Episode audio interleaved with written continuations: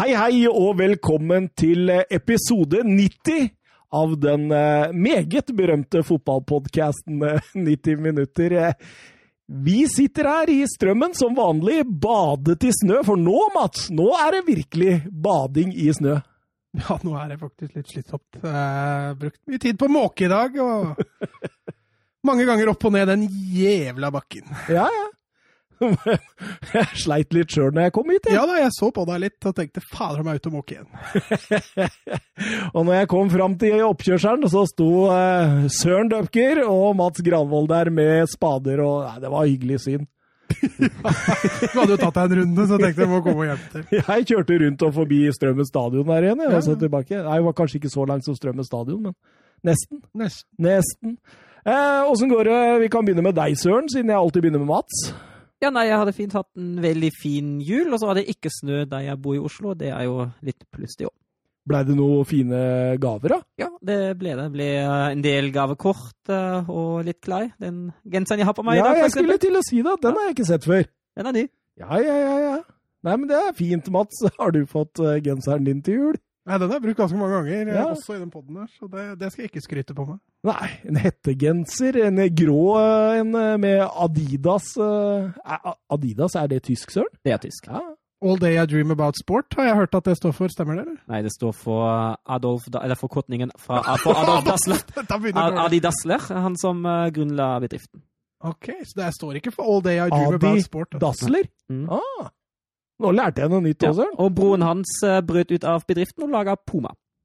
Ja, så dette er og, jo Og Pu står for Ma? Puma? det er ikke noe for kort. Kanskje ikke det står noe. Det, det, er på grunn av den pumaen. Oh, ja. Han lagde først dyret, og så lagde han navnet etterpå. Ja, okay, Innovativ type, dette her.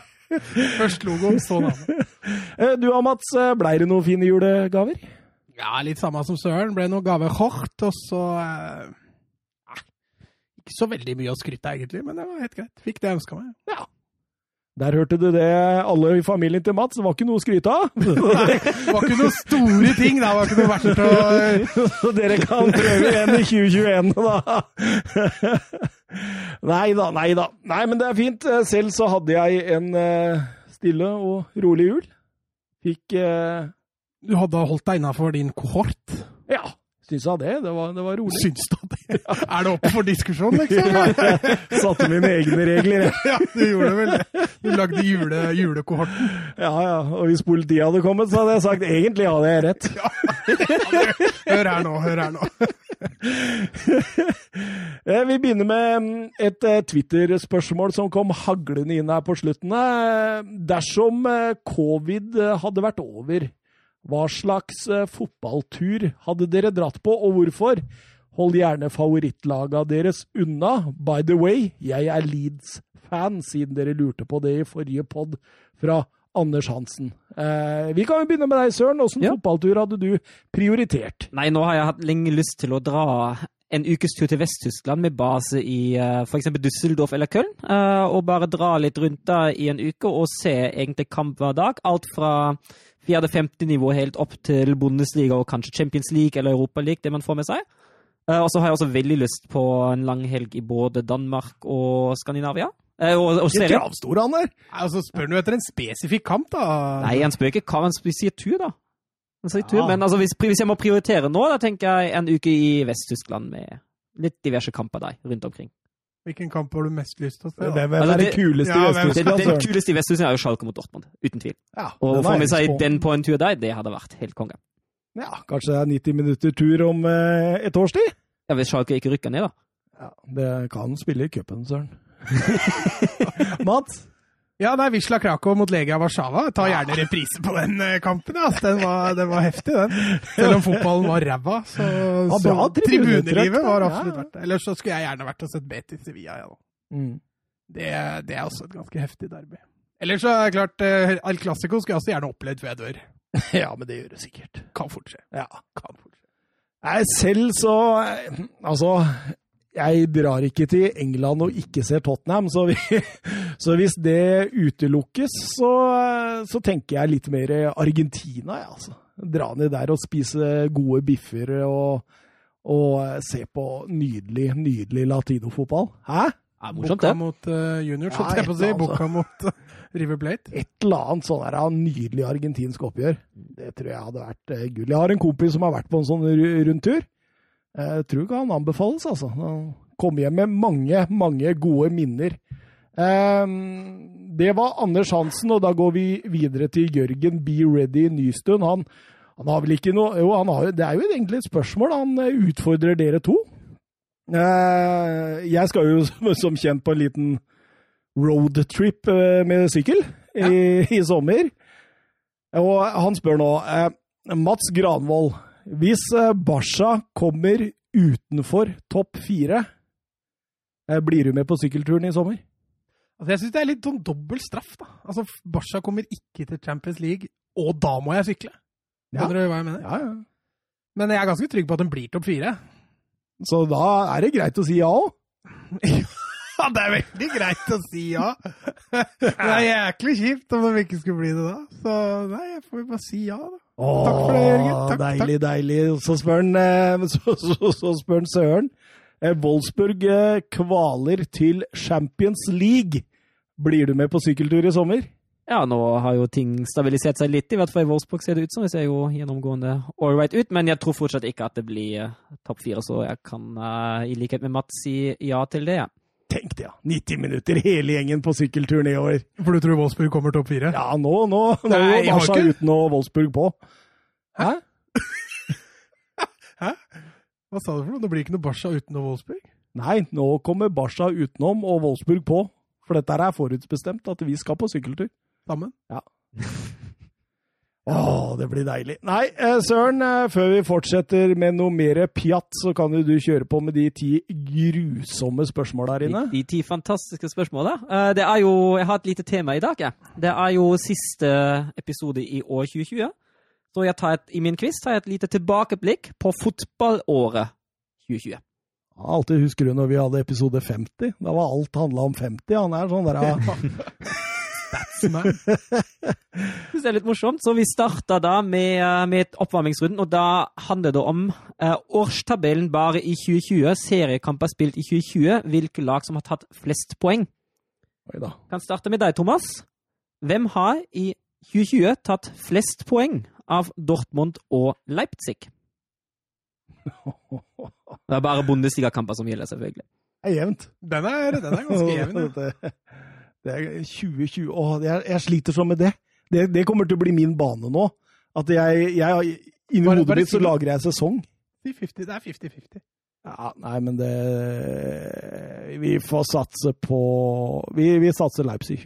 Det er feil. Dortmund har 61, og Leipzig har 57. Det er er så dårlig for Campbell, Ja. Mats, Ja. hvem har i 2020 tatt flest poeng av Mönchenglattberg og Wolfsburg? Gladbach har vært elendige nå. Wolfsburg- Den er lett, vet du, for han, han tar aldri ned Wolfsburg. Jo, han gjør det. Jeg sier Gladbach. Det er feil. Wolfsburg har 49, Gladbach har 48. Thomas, eh, og da kan jeg jo si at uh, ståa på Premier League, det er som runden ble avslutta i går, så kampene i dag er ikke med i beregningen. Hvem har i 2020 tatt flest poeng av Chelsea og Spurs? Du snakker ikke ned Tottenham vet du, når du er i samme rom. Nei, det, det blir jo rein tipping. Jeg klarer ikke å se for meg sånn 2020-tabell. Um, Chelsea. Det er helt riktig. Chelsea har 56, Spurs har 55. Ett poeng til deg. Mats, hvem har i 2020 tatt flest poeng av Manchester City og Manchester United? Nei, jeg sliter med å få det bildet sjøl, ass. 2020 stopper der. Øh, nå ligger de jo ganske likt, da. Nei, Jeg sier City, altså. Det er altså helt riktig. 66 mot 62. Thomas, hvem har i 2020 tatt flest poeng av Sevilla og Villarreal? Oi. Nei Hva er det, da? Sevilla. Det er feil. Det er Villarreal med 61 mot 59. Og Mats, hvem har i 2020 tatt flest poeng av Atletico og Barca? Snakka du ned Tottenham i stad. Skal du gjøre det samme da med Barca? Der er det bare fem poeng forskjell. Barca hadde en elendig vårsesong. Jeg går for Atletico. Det er helt riktig. Det er 70 mot 67, og da, Taper den der hver gang! Hver gang kommer jeg under! og da får du rundens, eller denne rundens første poeng. Da går vi videre. 17. januar 2020 var Bundesliga tilbake etter vinterpausen. Schalke åpnet vårsesongen på hjemmebane og vant sin eneste seriekamp i hele året. Hvem spilte de mot? Mats Ja, Gladbach. det er helt riktig, Mats. Ah, imponerende. Det, det hadde ikke jeg på hodet, for en gang. det sånn. Jeg lå langt baki der. Vi går videre til februar, og da skal vi fram til en kamp som blir spilt i februar 2020. Og den blir spilt i en av ligaene vi følger. Jeg skal bare ha de lagene som spilte imot, ikke noe annet. De lagene som møttes. Det ble spilt i en av ligaene vi følger. Kampen var et derby. Bortelaget ledet 2-0 til pausen. Hjemmelaget snudde det hele til 4-2-seier i andre omgang. Hjemmelaget ledet den hjemlige serien etter den runden, men endte opp med å ikke vinne gullet likevel. En av spissene på vinnerlaget annonserte seg selv etter kampen som den nye kongen av byen der derby ble spilt. Thomas. Ja. AC Milan mot eh, Inter Milan. Det er helt riktig, Thomas. Da er det 2-1. Og vi hopper pent over mars, april og mai. Det var ikke mye å skryte av. og returnerer i juni. I perioden mellom 11. juni og 30. juni ble det La Liga-fotball hver eneste dag. I samme periode byttet også tre klubber treneren i La Liga. Nevn én av de tre klubbene. Oi, oi, oi. Den Hvil- vet jeg. Hvilken periode sa du? 11. juni til 30. juni. Den er faktisk litt uh, tøff. Ja, den er det. Og Jeg sliter med å få tidsperspektiv på det. Ja, det, jeg Jeg jeg kan jo si at det, er- altså, 11. Juni, da begynte La Liga igjen etter korona. Det var da de tok oppstart igjen. Skal du ha hvilken trener òg, eller? Nei, jeg bare jeg trenger bare én av de tre klubbene som bytter i juni. I juni. Juni og juli? Nei, bare juni. Det er tre som bytter i juni. Kan du hinte Ja, jeg kan prøve. Ja, Uh, Valencia. det er helt riktig, Mats. Valencia er var den jeg satt og tenkte på. Ja, jeg kom ikke på hvem som tok over. Nei, Slutt, ikke. Det sto helt stille. Ja, De to andre var Real Betis og Español. ja, stemmer. Español Espanol. burde ha tatt Ja, og bytta det en trener annenhver måned. I juli ble også sesongen i Premier League ferdig. Hvilke tre klubber rykket ned? Mats. Ja, Norwich. Bournemouth. Og eh, det siste laget sliter. Eh, Watford. det er helt riktig, Mats. Da blir det 4-1 etter halv quiz. Nei, det visste jeg ikke. Nå går det så sakte. Det Det blir, det blir så dumt, dette. Ja. Nei, vi får legge ned ti spørsmål, tror jeg. Der er det. Vi går videre til eh, spørsmål nummer seks. Og i august da var det duket for finaleturneringen i Champions League i Portugal. Og hvis vi bare ser på finaleturneringen fra og med kvartfinalen og fram til finalen, hvilken spiller skåret flest mål? Han har skåret til sammen tre mål. Mats. Ja, Müller. det er feil. Lewandowski. Det er også feil. Det var Serge Gnabry. Ja. Det måtte jo være den 8-2-kampen som måtte være involvert der. I september var Premier League tilbake og underholdt oss med veldig mange mål i begynnelsen. Og det ble også mange spillere som skåret hat trick. Nå skal vi ha én spiller som skal ut her, nemlig en av de som ikke skårer hat trick i september i Premier League. Dominic Calvert-Lewin. Sadio Mané. Hung Min Son. Jamie Vardy. Mats. Ja. Nummer to. Ja, Mané? Mané. Ja, det er helt riktig. Det var... Blir for dumt, ikke sant? Ja, men jeg kan jo ikke Det er ikke min skyld. Nei.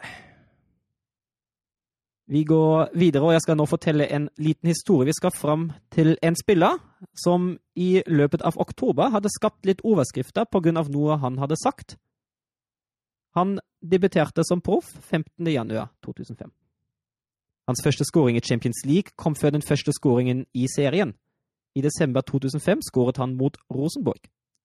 Jeg har ikke fulgt med jeg, på spørsmålet. Ja, men ja, nå, ja, dette ut, jeg òg. Ja, ja. Det er en, det vi skal fram til en spiller, det er en historie. Ja, Og han hadde sagt et eller annet. i, spilleren har sagt et eller annet i oktober som eh, fikk ham til å være i, uh, i overskriftene. Ok, Og han uh, debuterte i 2005? Han debuterte i 2005, og han skåra sin første skåring i Champions League i desember 2005 mot Rosenborg, før han skåret sitt første mål i seriekamp. Mm. Han vant seriegull i hjemlig liga med klubben sin i 2005, 2006, 2007 og 2008. Etter 08-09-sesongen forlot spissen sitt hjemland og signerte for Real Madrid. For lengst hadde han også blitt landslagsspiller for Frankrike. Han spilte i EM 2008, men fikk ikke være med i VM Mats. ja, Benzema? Det er helt riktig, Mats. Det var Karim Benzema.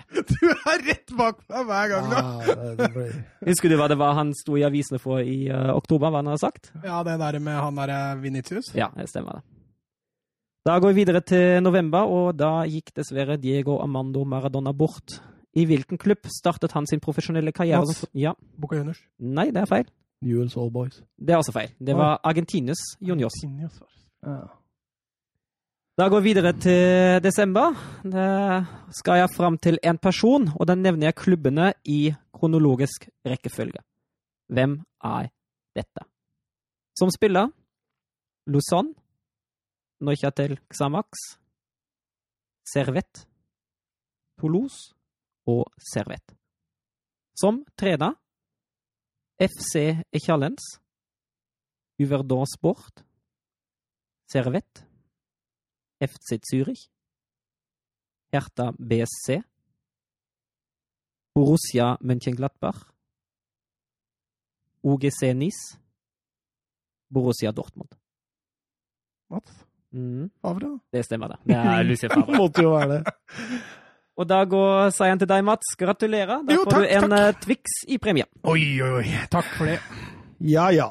Nei, det, vi legger ned de. Ja, men jeg har ikke sjans, vet du. Vi får ta det mellom dere to, tror jeg. Fordi det, det altså, jeg, jeg, altså, hadde vi bestilt disse samme spørsmåla, så hadde det blitt jevnt. Men du er bare sånn sek, halv tidel foran meg hver gang, hver gang, hver gang. ikke sant? Ja, det nytter jo ikke, vet du. Det nytter ikke. Du har hatt et forsprang, er det det du sier? Nei, men vi må, eh, hvis, jeg, hvis, jeg burde være, skulle vært med på dette, da, så tror jeg liksom man, man må ha individuelle spørsmål. Ja, ok. Fordi det, det for, for meg, da jeg, jeg blir jo knust på tid hele, hele tida, liksom. Vi får ta det opp på redaksjonsmøtet. Vi får gjøre det, vi får gjøre det. Og så setter vi over til uh, det, det, det, det egentlig skal handle om. Ja.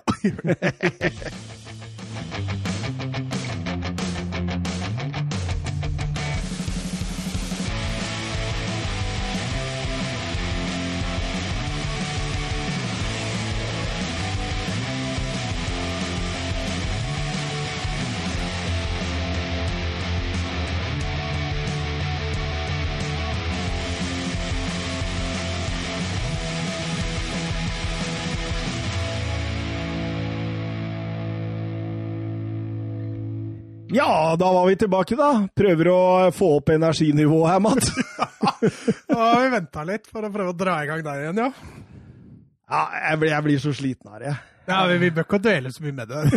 Jeg har sjelden sett deg gå så lavt i kjelleren etter en runde med konkurranse. Ja, men det er, du kan jo alt. Eller ikke alt, det er feil å si. Jo, takk men du, for det, takk for Nei, men jeg snakka om meg sjøl. Å ja, jeg synes at du kan nå, jo alt, Nå, nå, nå, prøver jeg å få meg sjøl opp, ikke, Ja, sant? Ja. Så jeg, jeg kan jo eh, det aller, aller meste. Mm. Men så altså, vi, vi, vi gikk jo gjennom det i stad, og det, jeg, jeg får svart først på ett spørsmål. Og du på åtte, og så har du den der forferdelige oppvarmingsrunden som jeg tipper alltid feil.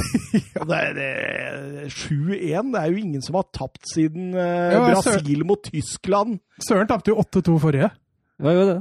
Ja, mot deg? ja. Mm. Ja. så du er ikke, du er ikke aleine på bånn der. altså. Du, du er bare i superform? Jeg er i griseform! Nei, det er bra, det. det, er bra det. det er så, sånn skal det være. Um, men vi må nok se litt på reglene framover.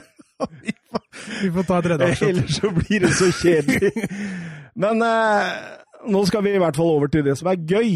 Og vi skal over til fotball og runden i Boxing Day. Og vi hadde jo valgt oss ut en, eh, en hovedkamp, eh, Søren Døpker. Ja, det var jo den desiderte desidert uh, toppkampen denne runden, med eh, Leicester mot eh, United, de to lagene som møttes som sto soleklart høyest i tabellen.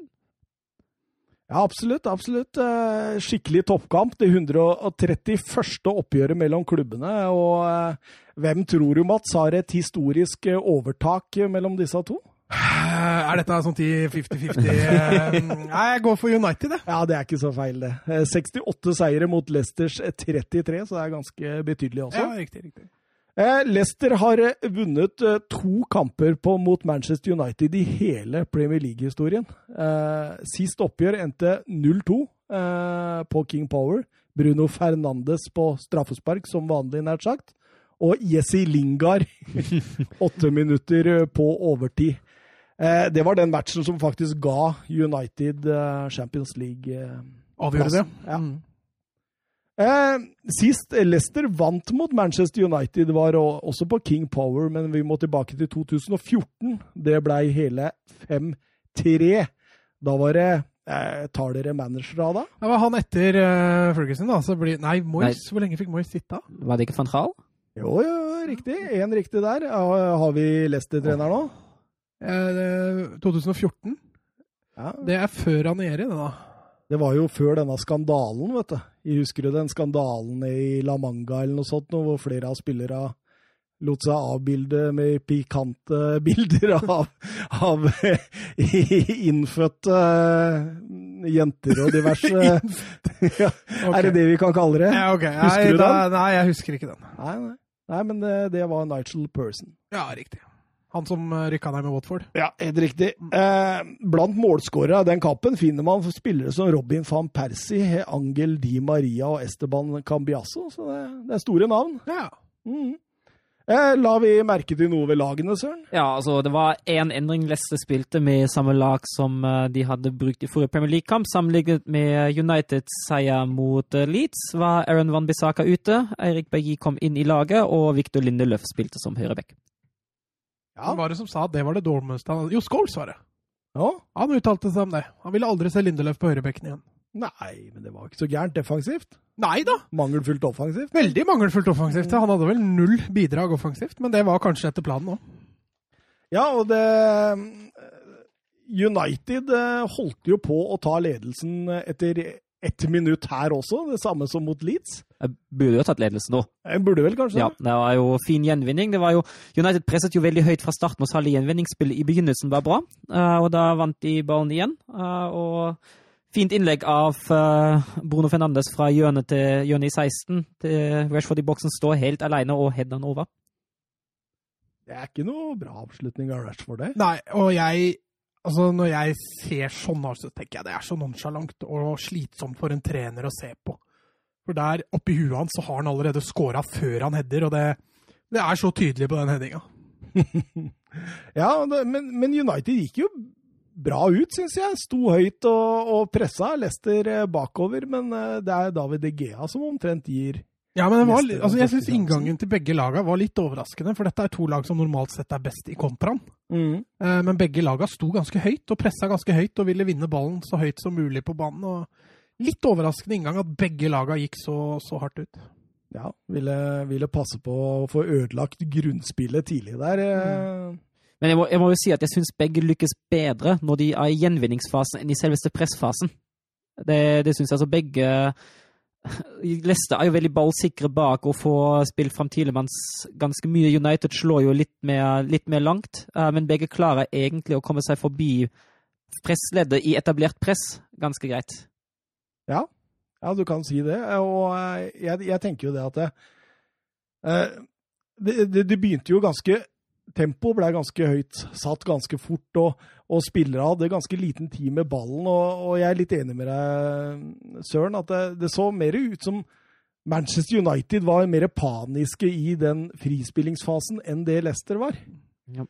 Ja, jeg syns United sliter veldig i frispillinga bakfra. Ja, de, og du så jo kampene mot Leeds. Eh, hva var den bortekampen de hadde før der igjen? Nå tar du meg på senga her. Ja, jeg skal ikke ta deg på senga. Uansett, de kampene så, så man at United var mye flinkere til å slå direkte i bakrom. De mm. var ikke så opptatt av den frispillinga bakfra. Til og med hjemme mot Leeds gikk de tidlig inn i bakrom. I den første gangen mot Leicester, veldig få lange baller. Ja, Merka egentlig stor forskjell fra Leeds-kampen når det gjaldt måten å angripe på. Men David Egea holder likevel på å rote det skikkelig til der etter sju minutter. Han får et litt humpete tilbakespill, men du ser jo her at her er en mann med lite følelse i både høyre og venstre bein. altså. Det var ikke han eh, Guardiola skulle hente for å ta over for eh, Claudio Bravo i sin tid, for å si det sånn. På ingen måte. Nei, og så tenker jeg altså, hvis, hvis du får et litt humpete tilbakespill, er 100% sikkert bare, bare mein på tribunen. Det er Det er nesten sånn spennende bein på seg sjøl der, når han slår den pasningen. Ja, det er Det er så panisk. bra Fred, da, som klarer å, å se denne faren og, og avverge den. Og, ja, og, og sånn går jo egentlig spillet fram til eh, Rashford setter 0-1. Ja, en strålende assist. Ikke helt med vilje, kanskje, men, men for det. eh, James Nei, for der er, det er tilfeldig, altså. Ja, James Justin gambler der i tillegg, som gjør at den pasningen blir, eh, blir perfekt. Og, og det er vel kanskje noe av det beste Rashford gjør i hele matchen. Men sånn sett, da, Daniel James' sin pasning til Bruno Fernandes der, at den er så dårlig, gjør jo det målet. Ja, og, og det at Fernandes bare får en fot på ballen. Eh, og den feilberegninga til James Justin der som går for å, for å avskjære egentlig det han tror blir en feilpasning. Rashford eh, sikker der, eh, og da eller, Jeg tror han er den yngste spilleren i Manchester United som når 50 mål i Premier League. Eller var det Ronaldo og Rooney som var foran han på den? Jeg vet ikke. Ja, jeg tror det. Mm. Eh, og så syns jeg Manchester United, det de har vært flinke til i denne fasen av spillet, det er å isolere Wardy fullstendig. Mm. Jeg syns eh, Wardy er litt sånn ah, Han finner ikke helt ut av det. Han får ikke særlig støtte heller. Nei, og så ser du dem, dem er flinke til å ødelegge framspilla til Wardy. Eh, sånn at eh, de gangene Wardy først blir frispilt i bakrom, så er det enten offside, eller så blir pasningen for dårlig pga. United har et bra press på ballfører. Sånn at eh, Leicester greier nesten ikke å involvere Wardy i første gang. Madison finner ikke veien rundt eh, Fred og McDominay, Søren. Nei, det, det gjør han ikke. Og du ser, du ser det også i andre omgang. De har endra litt på den, på den Wardy. Wardy går nå på mer møtende løp eh, etter pausen, og så går han, legger igjen, og så stikker han. Så de har, de har endret litt på det. Rogers har tatt noen grep etter pausen, men det kommer vi sikkert tilbake til. Men, men jeg må, også- nå har vi, i hvert fall jeg da, ler mye av Fred. Uh, den kampen her var bra. Jeg syns han flytter beina, og det er litt en god Kanté over den defensivt, faktisk. Har hun på banens beste liste Vi får se. Han er nok uh, ikke så langt unna, men han er ikke Det er litt, Men, som, eh, det er litt som for deg å sette inn Harry Maguire. Det, det lar seg ikke gjøre. Det er litt vanskelig. Nå, har- nå har jeg hatt den på de fleste laga. Ja, Ja. men du har fortsatt ikke greid å dytte den inn på en topp tre. Eh, men, men litt ut av ingenting, da. Så setter jo Leicester 1 igjen. Ja, og da, da har vi igjen på gjenvinninga. Uh, altså, Er Kan dårlig av Bruno kan man jo begynne flere steder her med United. Den klareringa til Maguire den er ikke første klasse. Altså, Er det Fernandes som uh, Hva han driver med, veit jeg ikke. Nei, altså, Hvis vi lo av DGA, så må vi le litt av Maguire òg. Ja. Mm. Det ser ikke bra ut, altså. Men han mister balansen der, eller? Ja, ja, men det var det Thorstvedt som sa det, at du ser at Maguire har slitt med koordinasjonen opp igjennom. det ser man så åpenbart på, Ja, det, på sånne situasjoner hvor, hvor det må gå fort rundt beina på Maguire, så, så ser du at han sliter med koordinasjonen. Og Ja, det nei, ser han man er ikke veldig noe tydelig ballerina. Han er ikke noe ballerina, Nei, han altså. er ikke det. Og så kan vi jo stille spørsmålstegn ved presspillet, eller fraværet av presspillet mot uh, Barnstow. McTominay holder seg jo langt, langt unna. BI støtter ikke til heller. Og så blir det et kontant og fint skutt i nederste hjørne. Jeg mener her at det er mangel på kommunikasjon. Det må jo være det. Mm. Fordi McTominay går ikke inn i den duellen for å vinne ball, han går for å lede. Mm. Men så kommer det ikke noe understøtte bakfra. Altså Enten må Bailly gi beskjed at 'jeg sikrer, du kan presse', Mm. eller så må Bailly ta steget frem. da. Ja. Eh, så kan man jo selvfølgelig klage på at McTominay der bør gå i press, men, men du ser han er så åpenbart opptatt av å lede presset, da. ikke vinne ball. Helt enig, og da sto det jo 1-1, og så tenkte man at da Nå, nå Lester, nå, nå kan dere bruke momentum her, men eh, nei, det var egentlig United som hadde den første omgangen totalt sett. og og eh, Bruno Fernandes han har jo et eh, korridorfrispark ut fra venstre der også. Eller det er vel Luke Shaw som slår det, og han kommer på hodet. Mm. Den, eh, den er også nær, men du ser jo at eh, Bruno Fernandes ikke er eh, Premier Leagues beste hodespiller. Ja, Så ser du han kommer liksom akkurat ikke høyt nok. Mm. Han mangler liksom Det er timinga. ja, fire centimeter til, enten at han henger litt lenger, eller at han eh, kommer litt høyere der. Men eh, nei, det skulle nok vært en, eh, en annen en som fikk den, ja. Hvem tror du var mest fornøyd av trenere inn til pause, Søren? Åh. I resultatet tror jeg kanskje det var Brenton Rogers. Ja, Nei, da tipper jeg Solskjær. ja du tror det? Han, han var fornøyd, ja. ja. Å oh, ja, det var, du har ikke fasiten? Nei, Å nei, okay. nei, nei, jeg har ikke spurt dem. Nei, ok, det er, Hvis jeg hadde vært trener der, så tror jeg jeg hadde vært mest fornøyd hadde jeg vært Brennan Rodgers. Mm. På grunn av at de får med seg 1-1? Ja, helt riktig. Mm. Altså, her kunne, burde Leicester ha ligget under 1-0 etter bare ett minutt. Mm. Uh, United med Rashford sin sjanse. Leicester hadde som sagt én mulighet til etter det. Så at Leicester går til pause her med 1-1, det tror jeg Rogers skal være fornøyd med. I tillegg til at man ser jo at United treffer jo ikke helt med inngangen til kampen i forhold til frispillingsfasen. Så Solskjær hadde jo sittet og rette på nå. Men eh, Søren, du sier at eh, Brendan Rogers tar noen grep til annenomgangen. Ja, han, eh, han, gjør det. og det går jo Altså, det første går ut på Vardi. Vardi går inn og møter mye mer. Spiller en del one touch og stikker med en gang. Det har ikke sånn superbra effekt, for United er fortsatt gode til å, til å følge. Og så handler det veldig mye også om å få Tilemanns i gang. Tilemanns frispilles, frispilles ganske bra. Veldig mye av det offensive som Leicester skaper, går via Tilemanns. Ja, han er en, en sånn balansespiller i, i, laget der. Du ser Ndidi har på en måte det defensive, og så har Madison det offensive, og så skal uh, Tilemanns drive og balansere. Og, han er en klar sjuer. Ja, absolutt. Og, og det, det, du ser jo Lester også hever seg nå. Tilemanns hever seg. Og det gjør de virkelig i starten av uh, Nå syns jeg til og med han var god kampen tvers igjennom. Egentlig. Ja, jeg er helt enig, men jeg syns Sali i, Sali i andre omgang skinner han enda mer enn i første. Helt klart, helt klart. Og eh, ja, United eh, sliter litt i starten på annen omgang. Syns Leicester eh, Jeg syns de sliter litt på sånne elementer, litt sånn aggressivitet, liksom. Blei litt mm. borte. Og du ser også utover i andre omgangen. Du ser det blir mye slitne bein, altså. Mm. Og det gjelder jo for så vidt begge lag. Daniel James hadde en der hvor han kunne kontra. Fofana leser nydelig der. Det er nesten én mot én. Altså, Daniel James. Fy fader, for en dårlig fotballkamp. Jeg har vel sagt det tidligere, men han er championship-spiller. Altså. Ja, det har du sagt mange ganger. Eneste grunnen til at han kan være fotballspiller, er fordi han har enorm fart, og at han er en lojal spiller. Har jo hockeyassist, da, men det var jo en dårlig pasning som blei Ja, det er helt riktig. Det var ikke, det var ikke ferdigskåra, den pasningen, der. Og han blir jo også bytta ut der Paul Pogba kommer inn. Eh, Solskjær tar grep. Eh, tenker han eh, ser at denne midtbaneduellen den begynner Tilemanns og, og Ndidi å vinne. Nå må vi rett og slett på jobb. og ja, Pogba får en slags sånn fri venstrekantrolle. Ja, han kan vandre mye, har en del arbeidsoppgaver defensivt. Offensivt så, har, så har han litt friere roller. Altså. Og da kommer jo denne enorme sjansen til Rashford etter eh, ja, det er rundt 60 minutter. Eh, hvor han eh, brenner til fra 10-12 meter, og, og Schmeichel får en fantastisk enhåndsredning. Ja, og så er det for en gangs skyld Tilemann som faktisk taper en duell i forkant der. Ja, men, men, er det ikke rart han ikke får frispark? Jo, jeg syns det. Jeg syns altså, det. McTominay river han jo over ende der. Så det, det, tror du det kunne VAR tatt den? Hadde den gått inn, ja. ja. Så kunne VAR ha tatt den. Da tror jeg kanskje VAR hadde tatt den, altså. Men det er jo så mye rart vi har sett gå og passere i år, så jeg er veldig usikker på om VAR hadde tatt den. Men, eh, når det kommer fram til avslutninga til Rashford der, så er det sånn lukke øya, skyt så hardt du kan-avslutning. Og det, det, er slitsomt å se på, i hvert fall fra en Altså, Rashford er ikke gammel, men allikevel rutinert, da. Han gjorde jo ikke det på 1-0. Da plasserte han jo fint. Men, men, det er klart, det skjer noe med en gang du får litt press rundt deg. Du rekker ikke å orientere deg hvor keeperen er sånn skikkelig da ender det gjerne opp med en sånn type avslutning. Eh, ja, så, så, tenker jeg også det med hvor du er i, uh, i skuddposisjon med høyrebeinet. Mm. Fordi altså Det er lettere å køle i lengste med høyrebeinet enn det er å bruke høyrebeinet på en måte å komme fra høyre. Mm. Så at han bruker den teknikken, det er, det er ikke noe spesielt. Jo, men, men de beste avslutterne gjør jo ikke det der. Nei da. nei da. De, ja, de det, det, hender dem driter seg ut, dem òg, men, men det er, altså, ser... Veldig ofte legger de dem i nærmeste. Ja, eller mellom beina på keeperen. Mm. Ja, at de, at de altså, altså, de som ikke er fra jorda, da, type Messi, de chipper. men alle andre som er gode, de, de får han allikevel rundt beina på keeperen.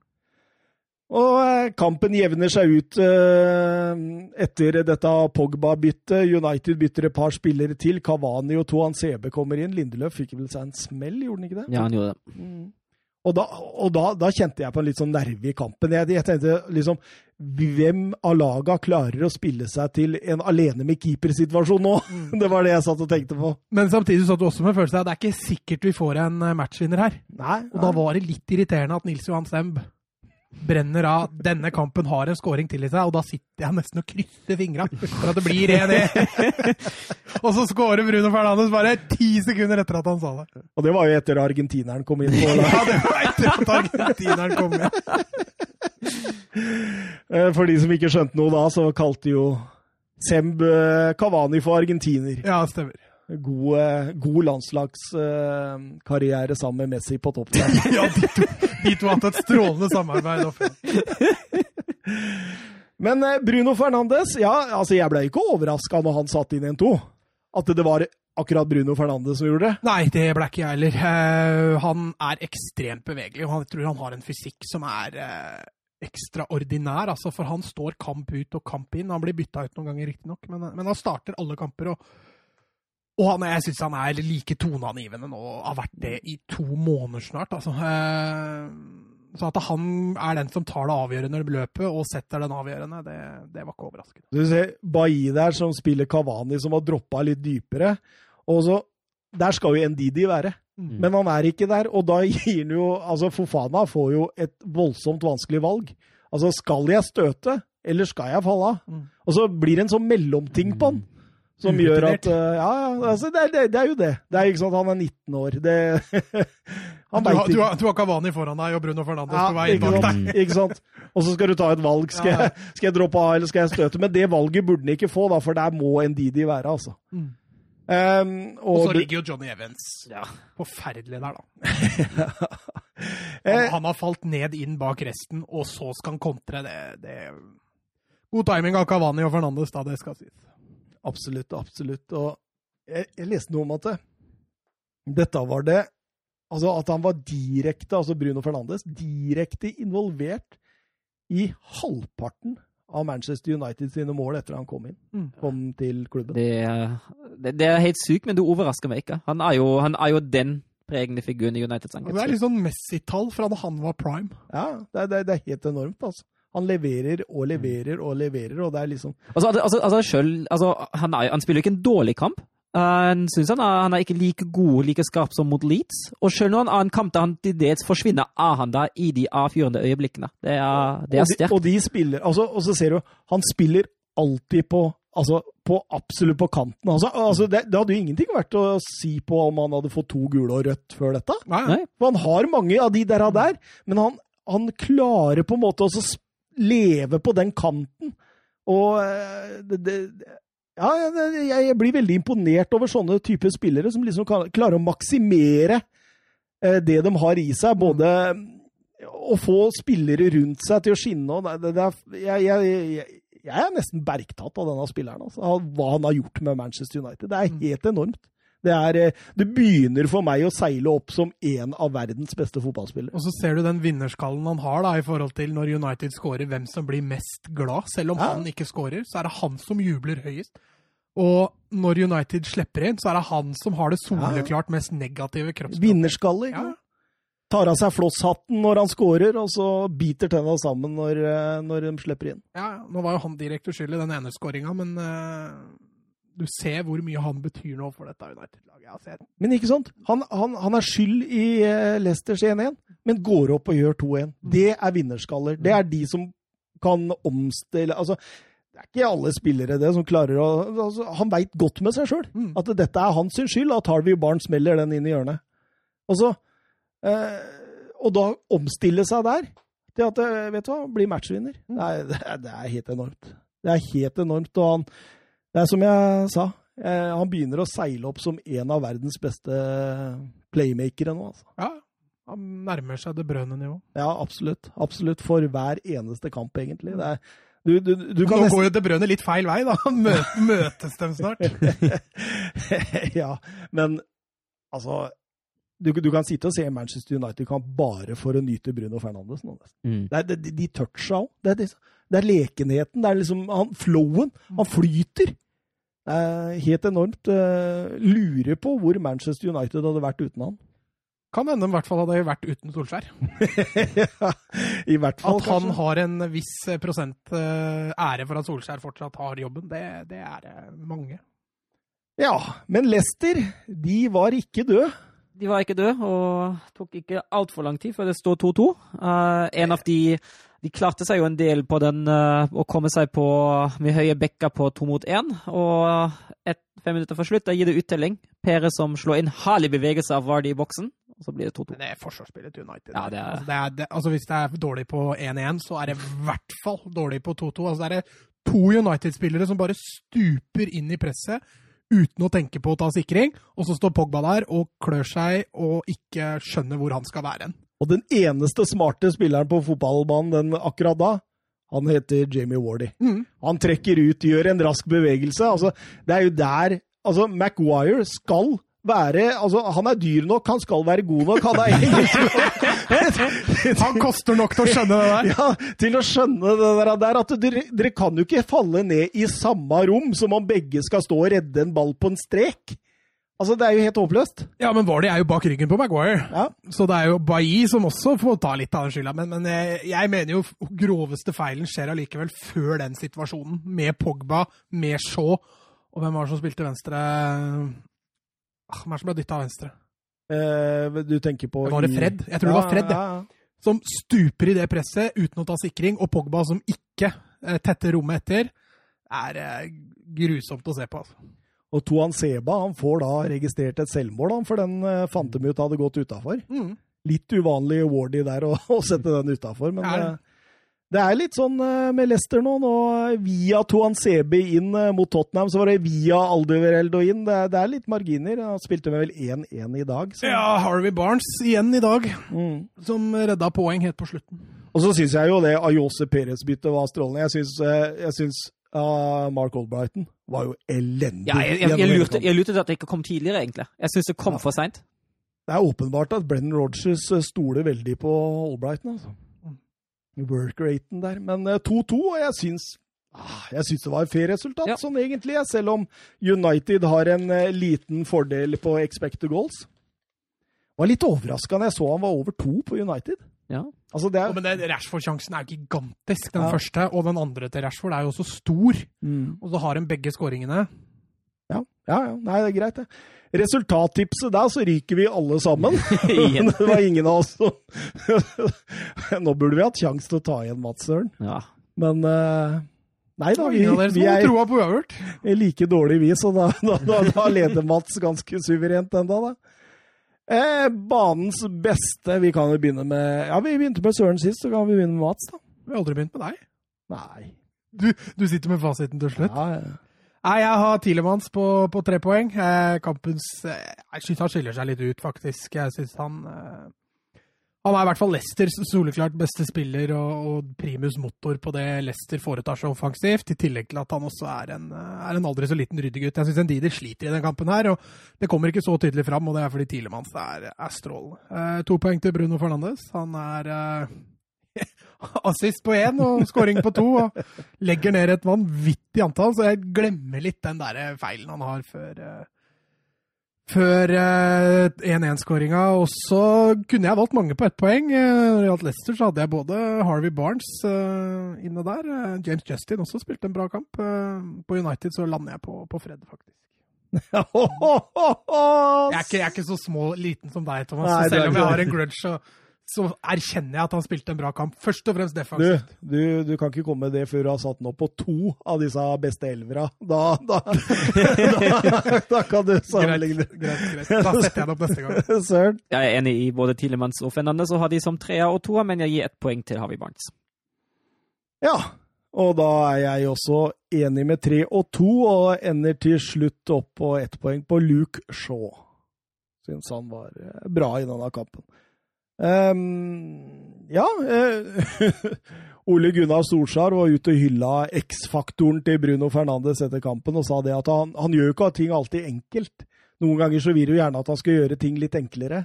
Men du kan ikke ta det bort fra han. Noen ganger river jeg meg i håret, sier han.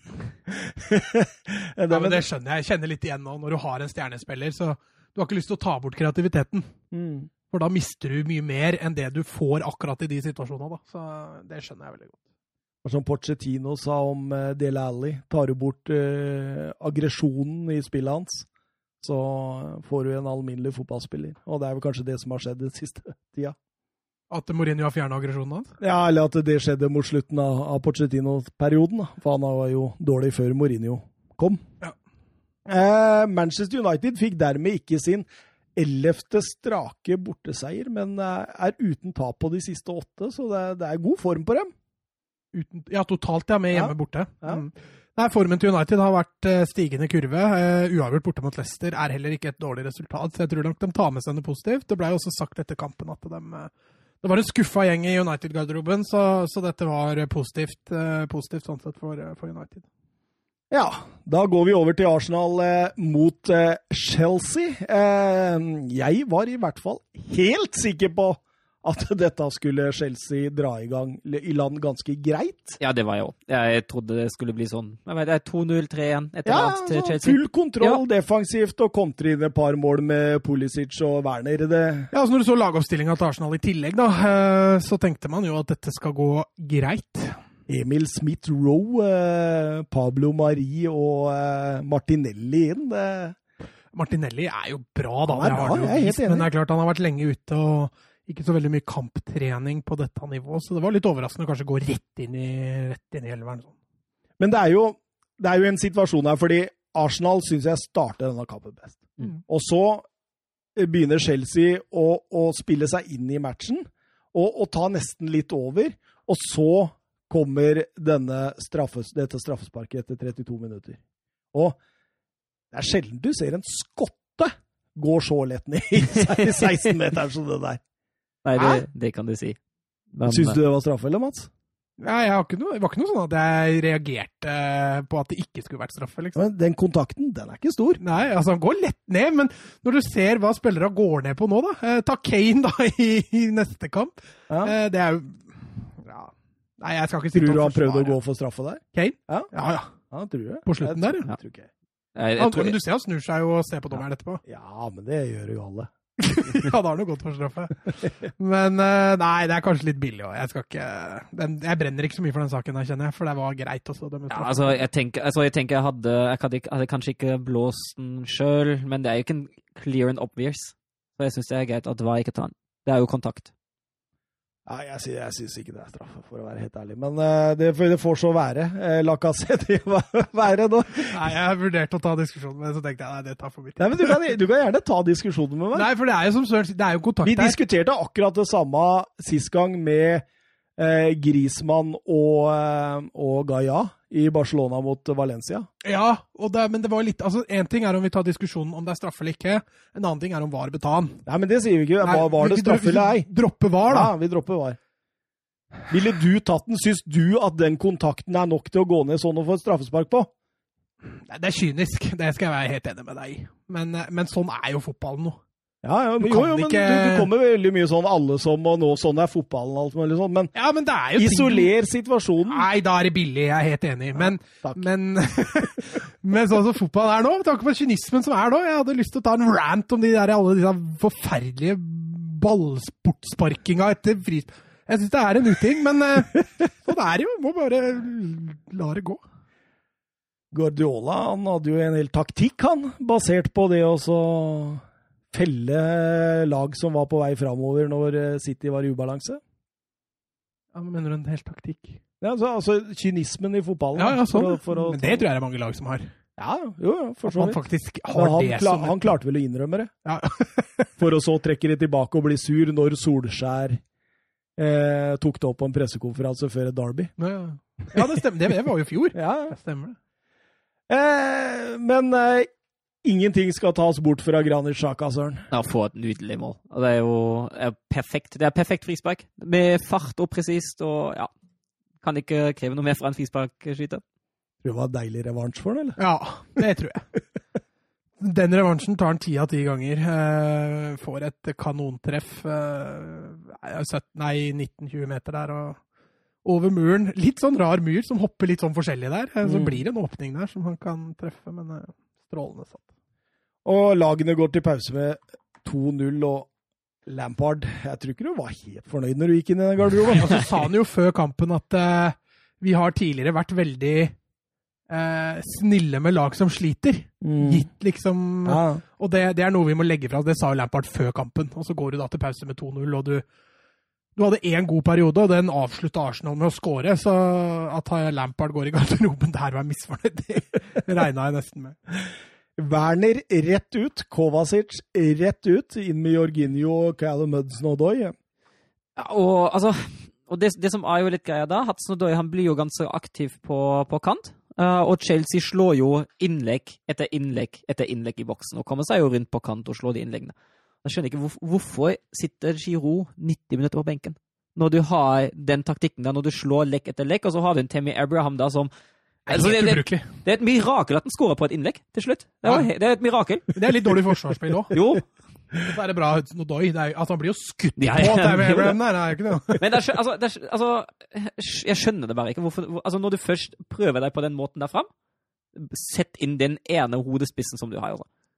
Men det, altså, det, handler jo om bevegelse på Tammy Aram, fordi han er så uskolert. Han er litt stasjonær? Ja, ja, absolutt. Og, og, hvis du tar bort Tammy Abraham, da, så har du Du har ikke veldig mange hodespillere å sikte på utenom han.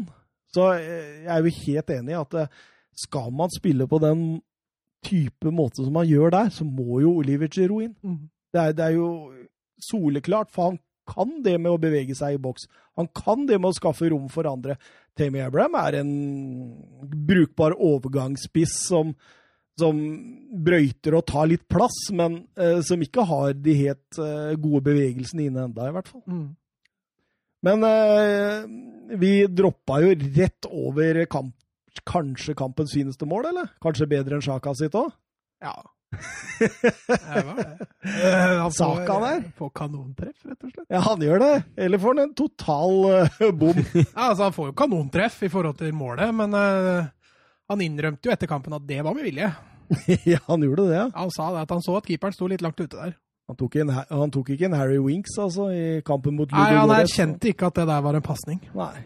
Det tror jeg han burde gjort, for det skjønner vel egentlig de aller fleste som ser på det. ja.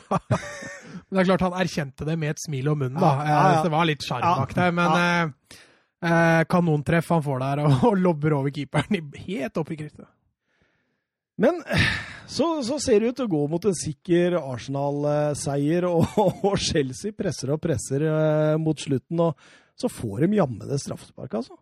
Ja, da er det allerede 3-1. Og da tenker jeg her kan det faktisk ja. bli kamp inn døra. Men uh, Jorginho gikk fram. Uh, bomma på de to siste. Jeg følte at han kom til å bomme. Ja. Jeg satt med den feelingen at dette går ikke. Og du ser det på hoppet han tar òg. Det er ikke så høyt og bestemt som det han pleier. Det er liksom bare sånn et lite kaninhopp. Ja. Så keeperen trenger ikke å gjøre noe utslag, og da rekker jo ikke Jerginho å ta et valg. Og da blir det bare en sånn lompe. Det er ikke en lompe, da, men uh, Leno bør ikke strekke seg veldig langt for noen. Det er vel ikke sikkert at de hadde kommet tilbake for det, men uh, de hadde i hvert fall en sjanse der hvis Jorginho hadde truffet uh... nei, uh, nei, dette var ikke bra. Timo Werner, Søren, hva sier du som tysk? Nei, det var skuffende. Nå, nå ser man nå ser, altså, han, han spilte altså, Ikke han brente så mye, men han spilte jo fryktelig dårlig en av omgangene han fikk spilt. Det var, det var, ingenting. Helt blotta for selvtillit. Skuldrene var skyhøye. Altså, det var, det var tekniske feil, det var dårlige valg. Det var, det var ingenting, det der, altså. Men han har spilt mye òg, da. Mm. Han har hatt mye spilletid i Chelsea. Greit for han å få seg en pause, tror jeg. Yep. Eh, han har ikke skåret på ti kamper nå. Uh, har ikke hatt lignende tørke siden 2016. Det var i, i klubbbyttet mellom Stuttgart og RB Leipzig, eh, Søren. Ja, da ble han jo sikkert blitt vant til nytt system, så ja. da var jo ikke det. Som alle må i RB Leipzig? Ja, det var jo før Nagelsmanns tid, men for all del. Det var fortsatt en omstilling, det der. Men Lampard han kaster nesten litt under bussen, syns jeg. Jeg tenker på intervjuet han gjør etterpå. Ja, ja. Sier at her må jeg ta en prat med ham, og dette kan ikke forsvares. og... Altså Kaster han under bussen. altså Det at han ikke starta kampen i dag, gjør jo kanskje at du kan se det litt på den måten, men samtidig tenker jeg at det er, det er helt greit. altså se Mourinho. Hadde Mourinho gjort det, så hadde det i hvert fall vært kastet under bussen. Jo, jo, men du ser hva slags effekt de har fått på spillere. da. Se på en Dombele. Se nå, Det blir veldig spennende å følge Sanchez framover. Ja. Uh, så får vi se om det får en effekt på, på Werner, for det er jo ikke å kaste den under bussen hvis du faktisk får en reaksjon fra spilleren. Ikke en fullstendig Luke Shaw, liksom. Nei, nei. eh, Sander Midtstuen, blir Timo Werner en flopp, spør han på Twitter. Og, og, det ser ikke ut som Lampard klarer å sette sammen den fremre sekseren. Da tenker han på sikkert midtbanen og, og ja, de tre framme. Ja. Hvilken offensiv sekser bør han stille?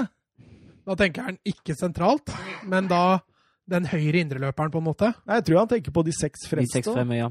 Sekseren Å ja, ikke nummer seks! Nei, se, oh, sånn, ja. Nå har jo, nå har jo lempet inn hele situasjonen at han kan gå litt etter, etter form og motstanders styrke og svakheter. Det syns jeg ikke han har gjort noe særlig godt i det siste, og nå har det vært litt skadeplaga òg.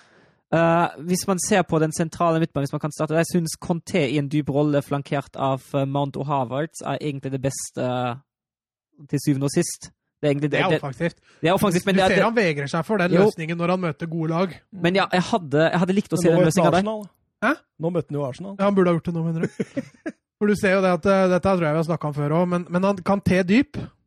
Den tror jeg han liker. Og så Kovacic da, eller Jorginho en av de to, Og så Mount ved siden av Mount, har virkelig skjerpa seg. Så at de er en trio der, det tror jeg, så tror jeg Havertz akkurat nå er litt lenger bak i køen. Nå har han vært mm. skada, riktignok, men uh, blir spennende å se. Siert ville jo vært ganske trygg hvis han hadde vært skadefri. Den formen han hadde inne før han ble skada, var jo enorm. På høyre kant? Ja. Mm. Eh, også venstrekanten er jo også nå fryktelig spennende framover. Blir det Werner eller blir Pulisic? Jeg tenker at han burde prøve Werner med som midtspiss, ja, sånn mm. som Chelsea spiller nå. Altså prøve Pulisic ut venstre. Ja, men Han starta jo Werner midtspiss de første kampene. Funka jo ikke bra, det heller. Men hvor lang tid fikk han der da, før han ble flytta ut på venstre? Det var jo ikke maks to kamper, eller? Ja, så må du også se, Da spilte han jo samtidig med en Kai Havertz på venstre som var litt feilplassert der. Så da kom jo ikke styrkene helt fram heller. Nei, han burde kanskje få en sjanse til som nier. Han burde det, men uh, ja. Nei, det var da ei tap. Det var litt overraskende Arsenal-seier, men uh, ja. Ja, altså Det var jo nok en runde da, hvor topplaga sleit med å vinne. Utenom uh, vår neste kamp, uh, Manchester City-Newcastle, for der var det jo Altså, det, altså det, den, den, første omgangen. Det, det, jeg først og fremst tenker deg, er at uh, godeste Bruce må gjøre et eller annet med den taktikken når han møter de store lagene. Nå satt vi for noen uker siden og snakket om Newcastles ekstremt passive og dårlige kamp mot Chelsea. Så møter de nå City, og så er det akkurat samme igjen. Det er de står så dype. Det er egentlig ingen plan om vi kommer fram til mål. Når de først vinner ballen, er det 60-70-80 meter til Citys mål. Det er, det er helt håpløst. Ja, det er, altså, her har du ballen, her har du initiativet. Vi, vi ligger bak, og vi, vi, har ikke noe plan for å kontre engang. Liksom, vi håper kanskje at Almiron eller Nå spilte jo ikke Maximæ, men hadde han vært der, så vi, vi Men altså, hvor mange ganger skal han prøve å feile på det der før han endrer det? Nei, det Men, men du ser han spiller sånn når han spiller borte mot topplaga, da. Ja, eller med ja, eller et midtsjikt-table-lag òg, altså. Det er liksom det, det, er ikke ofte Steve Bruce og Newcastle finner ut at her skal vi ut og ta styringa. Det, det, det ser sjeldent, altså. Men uh, Hvilke lag er det som gjør det på Etia, da? Nei, det, du ser bort fra topplaga? Det er ikke så mange. Det er ikke så mange. Nei, og det, det, og det, hva, hva, hadde resultatet blitt hvis han hadde gung-how? liksom? Nei, men det, er jo greit nok, det trenger han ikke å gjøre. Og jeg tenker at du i hvert fall skal ha en plan hva du skal gjøre med ballen når du vinner den. Ja, det, jeg er helt enig. Det var litt det som var borte. Det blir litt stoke, liksom. Vi satser mm. på de cornera og de lange innkasta vi får, og så har vi ikke noe plan utover det å forsvare oss. Det var litt Liverpool-West Brom i første omgang. Ja, litt sånn, eh, det var litt samme der. Men, uh, Men de klarte jo å snu det til pause her. Her er det gjennomgående gjennom hele kampen. Altså, det skjer jo ikke noe reaksjon etter verken 1-0 eller 2-0, egentlig. Eh, City har full kontroll. og Litt leken den der av Stirling eh, før Gundogan-skåringa. Den er herlig. og hvordan han venter ut og venter ut og venter ut til det rette tidspunktet. Og den luka Gundogan finner der, den er like stor som en 20-kroning. Altså. At han får en ball inn der, det er godt gjort. Med den Stirling-assisten så har han 150 målpoeng eh, for Guardiola. Han er den første som når det. Han har 96 mål og 54 assist. Eh, det er sterke tall. Det er det. Så uh... Men du ser han er litt sånn Citys svar på Messi i mm. Guardiola-systemet. Litt sånn vandrende, litt fritt kreativ. Uh, ikke sjelden uh, Nei, det, det, er ikke ofte Guardiola setter ham på benken uten at han har noen småskader eller noe sånt. Altså, ja, han er, uh, tror jeg er stort sett sammen med De Brøne det første han setter inn ja. på. Mm, det tror jeg. Eh, men jeg syns også Cancelo var strålende i denne kampen. Men den rollen han har i den kampen der er enda et bevis Er det ving, eller? Guardiola, ja, men Han er jo indreløper, han er ving, han er spiss, han er jo alt. Ja, han er overalt òg. Ja, det er jo det jeg sier. Han, han, hadde så mye roller han i den kampen der at uh, det var fascinerende å se på. Solid banens beste, eller? Ja. ja. Solid. Ja, det var By far. Altså, det brødet når han jo ikke til Nei, ja. hofta engang. Men du ser det brødet der liksom, altså jeg, jeg digger den innstillinga til det brødet. Altså hvordan han stuper i press aleine når han må det. Og, og når en lagkompis mister ball, så er det ikke sånn ah, Nei, nei, nei. Det er uh, ett sekund frustrasjon, og så er det bunn spiker. Uh... Total profesjonell. Han der. Belgieren der, Søren, som har vært innom Wolfsburg. Ja, Savna han veldig. ja, ja. hadde vært greit å ha den nå. Å, herregud, ja. Hadde det blitt Champions League, da måtte du sykle av, vet du. Ja, da måtte jeg sykle. Det er helt riktig. Eh, Liverpool, West Bromwich. eh, Du kan jo si det at dette var en kamp med to forskjellige omganger. Det var det veldig. Altså, den første omgang det, altså, skrev faktisk ned etter halvspilt omgang at det sitter med en følelse om at det ikke er et spørsmål om at Liverpool vinner, men hvor mange mål de vinner. Ja, rett etter 1-0 med Sadio Mané der, så, så venter Ja. du bare på 2-0 og 3-0. Altså, Ja. fordi det, det, det, de kjører jo over. Men Og så er det sånn der, du ser Hver gang West Brom får ballen, så er det tupp og mæl. Ja. Og så er det så milevis langt til spissen. ja. Han er jo langt ned på egen banehalvdel. ja, ja, han står, jo- stort sett i femmeren eller fireren på midten. Ja, og det blir en helt annen uh, greie i andre omgang. altså. Men eh, nydelig mål av Mané, da. Og det er millimeterpresist av Matip. Den han Det er ikke lett det Matip. nei, det Mané gjør der. Han får et skudd i brysthøyde. Og så er det jo er det, er det Ajay som sliter i markeringa der. Kommer på feil side av Mané, men det medtaket på brystet her er helt spinnvilt. Altså. og tar den før han treffer bakken. Ja, ja, og kontrollert i mål er verdensklasse. West Bromwich hadde ballen i 18,2 av Det er lite. Ja, altså eh, Henderson hadde 85 pasninger som gikk fram til medspiller. VBA hadde 46. Men, altså, men også, altså, er det noe med det, altså det, Liverpool skyter jo altså De har jo det ene skuddet på mål, og det er greit nok, men det er så mye nesten. Det er så mange innlegg som kommer inn, så mange, så mange gode bevegelser i boksen. og det, er- det er så mye nesten. og tenk altså, Når du ligger så dypt Liverpool gjør det akkurat rett. Og, og, og, øh, og kommer seg gjennom det. De bevegelsene i boksen til Salah til Mané, de, de er sterke også. Ja, absolutt. absolutt. Og vi henger jo ikke med bak dem. Men hva skjer i annen omgang, Mats? Nei, da legger West Brom seg eh, mye høyere med, med i hvert fall én spiller hver gang. Eh, ofte to òg. At de legger to igjen høyt oppå. At de da ligger etablert med kun ni mann istedenfor elleve. Det gjør at når West Brom får tak i ballen, så har de plutselig noen å sikte på. Mm. Uh, og når eh, de får tak i ballen i tillegg, så får de flytta opp laget sitt. Og det, det hjelper veldig. så får de ikke dette vedvarende trykket, trykket, trykket hele veien. Og plutselig får jo West Bromwich corneret, den får frispark i farlig posisjon. Det virker som de får litt sånn selvtillit Ja, inn i matchen. Spiller seg, spiller seg bra inn i, inn i kampen der, og, og, og Grant, som er aleine med keeper der, er, bør jo sette i hvert fall den ene der. Altså. Så lenge det er 1-0, så, Ja, men du så ser er- Liverpool blir litt nervøse. Ja, ja. Det blir liksom litt shaky. Du ser Klopp på sidelinja der og kjefter og smeller på seg gult kort og er liksom litt sånn Ufin type. altså. Ja, Jeg, begynte å få Ja, vi snakka om det i podkasten. Det, er- det er jo Mr. Nice Guy, egentlig, men han det, det er, litt, Han er sjarmøren, egentlig, men nå siste så syns jeg vi har sett en helt annen Klopp på sidelinja. Altså. Ja, når det går ham imot, da er det helt krise. Det er faktisk helt krise. For han er ja, ufin mot dommerne. Uf, virker som han også kan være litt ufin med egne spillere. Motspillere, motstander, trenere. Alle får høre det. Men det liksom... Så, liksom, så Mourinho hadde litt rett når han sier det at uh, hvis jeg hadde oppført meg sånn på, på sidelinja som han, så hadde jeg ikke fått sitte der kampen ut.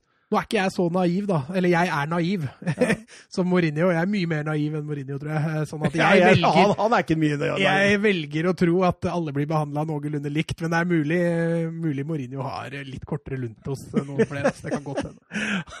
Han har noen skraper i Ja. sjela til enhver dommer i Premier League, han, tenker jeg. Men eh, det, det, jeg, jeg syns at det er helt strålende. Ja, da. Jeg synes det er morsomt. Jeg flira meg i hjel ja, når eh, Klopp fikk det gule kortet. Altså.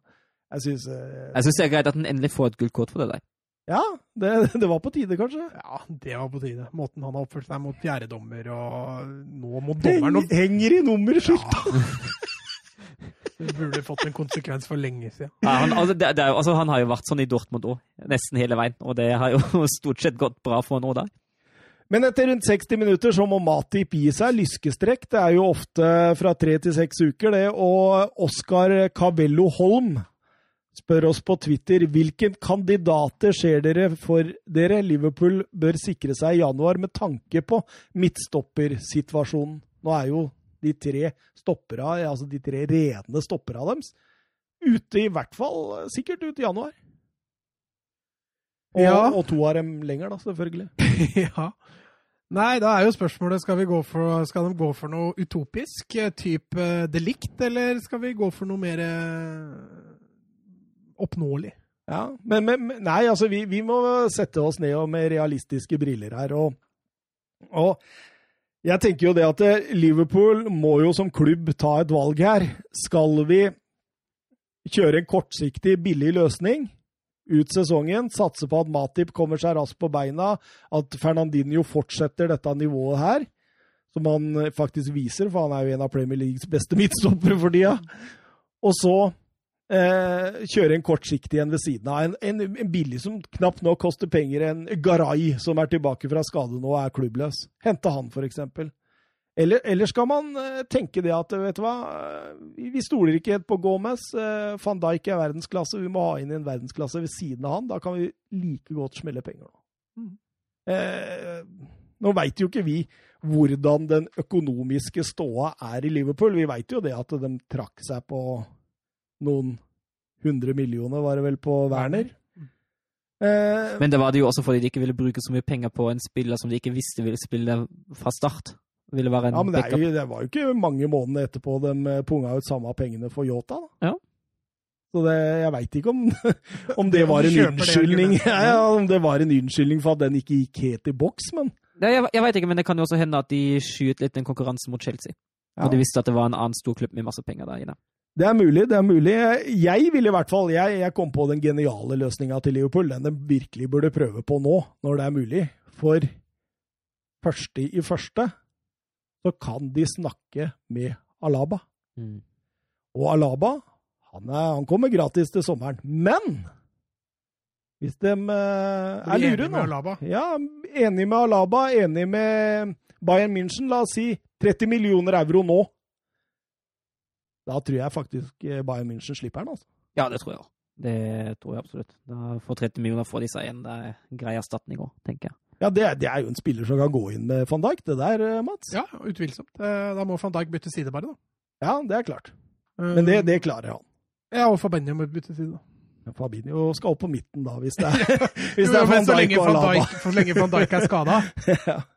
Men eh, jeg tenkte også eh, Virkelig sånne greie quick fix, da. En, eh, en Radu i Lazio, 34 år. Massevis av rutine, spiller ikke fast der nå kan være en mulig løsning. Eller Marcelo, 33 år gamle brasilianeren i Lyon. Mm. Det er sånne mm. quick fix-løsninger som kan være bra for dem. Eh, på lengre sikt, da, da, da, må du opp på verdensklasse. ja, ja, må du splette litt penger. Ja, Da er det Eder Militao, da er det Eder Jules Militao? Ja, så han var linka i dag. Okay. Eh, Jules Condé. Eh, sånne type spillere. Diego Carlos. Ja, Diego Carlos har vært linka til Liverpool lenge. Han har vel en utkjøpsklausul på, på 65 mil, så da må de jo splette litt penger. Men eh, det er jo en løsning, en mer permanent løsning. Ja, ikke sant. Da kan du fase han inn allerede fra januar sammen med Fabinho, og så tar van Dijk den rollen. Så er Phil Jones her på transferlista. det var noe Premier League eh, var eh, Burnley, ja. ville han. Ja, det hadde nok vært en grei. ja, men han hadde ikke kommet seg inn der. Tarkovskij og Ben Mie. Nei, han blir jo backup, da. ah, kanskje han går tilbake til Blackburn, Mats. Ja, velkommen. Velkommen. Eh, Søren, Wolverhampton-Tottenham, eh, det begynte bra? Det begynte med en pangstart. Eh, først sånn som blir sånn... på hvem, ja. hvem, du heier på? For, for, for, meg, for meg som nøytral begynte det en pangstart. Jeg syns det var gøy med mål.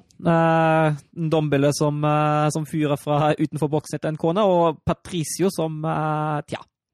Ja, det, han er på feil bein der, altså. Ja, og så står han feil opp. Ja. Jeg syns han står for sentralt, og for langt på streken, som Torstvedt også har vært inne på.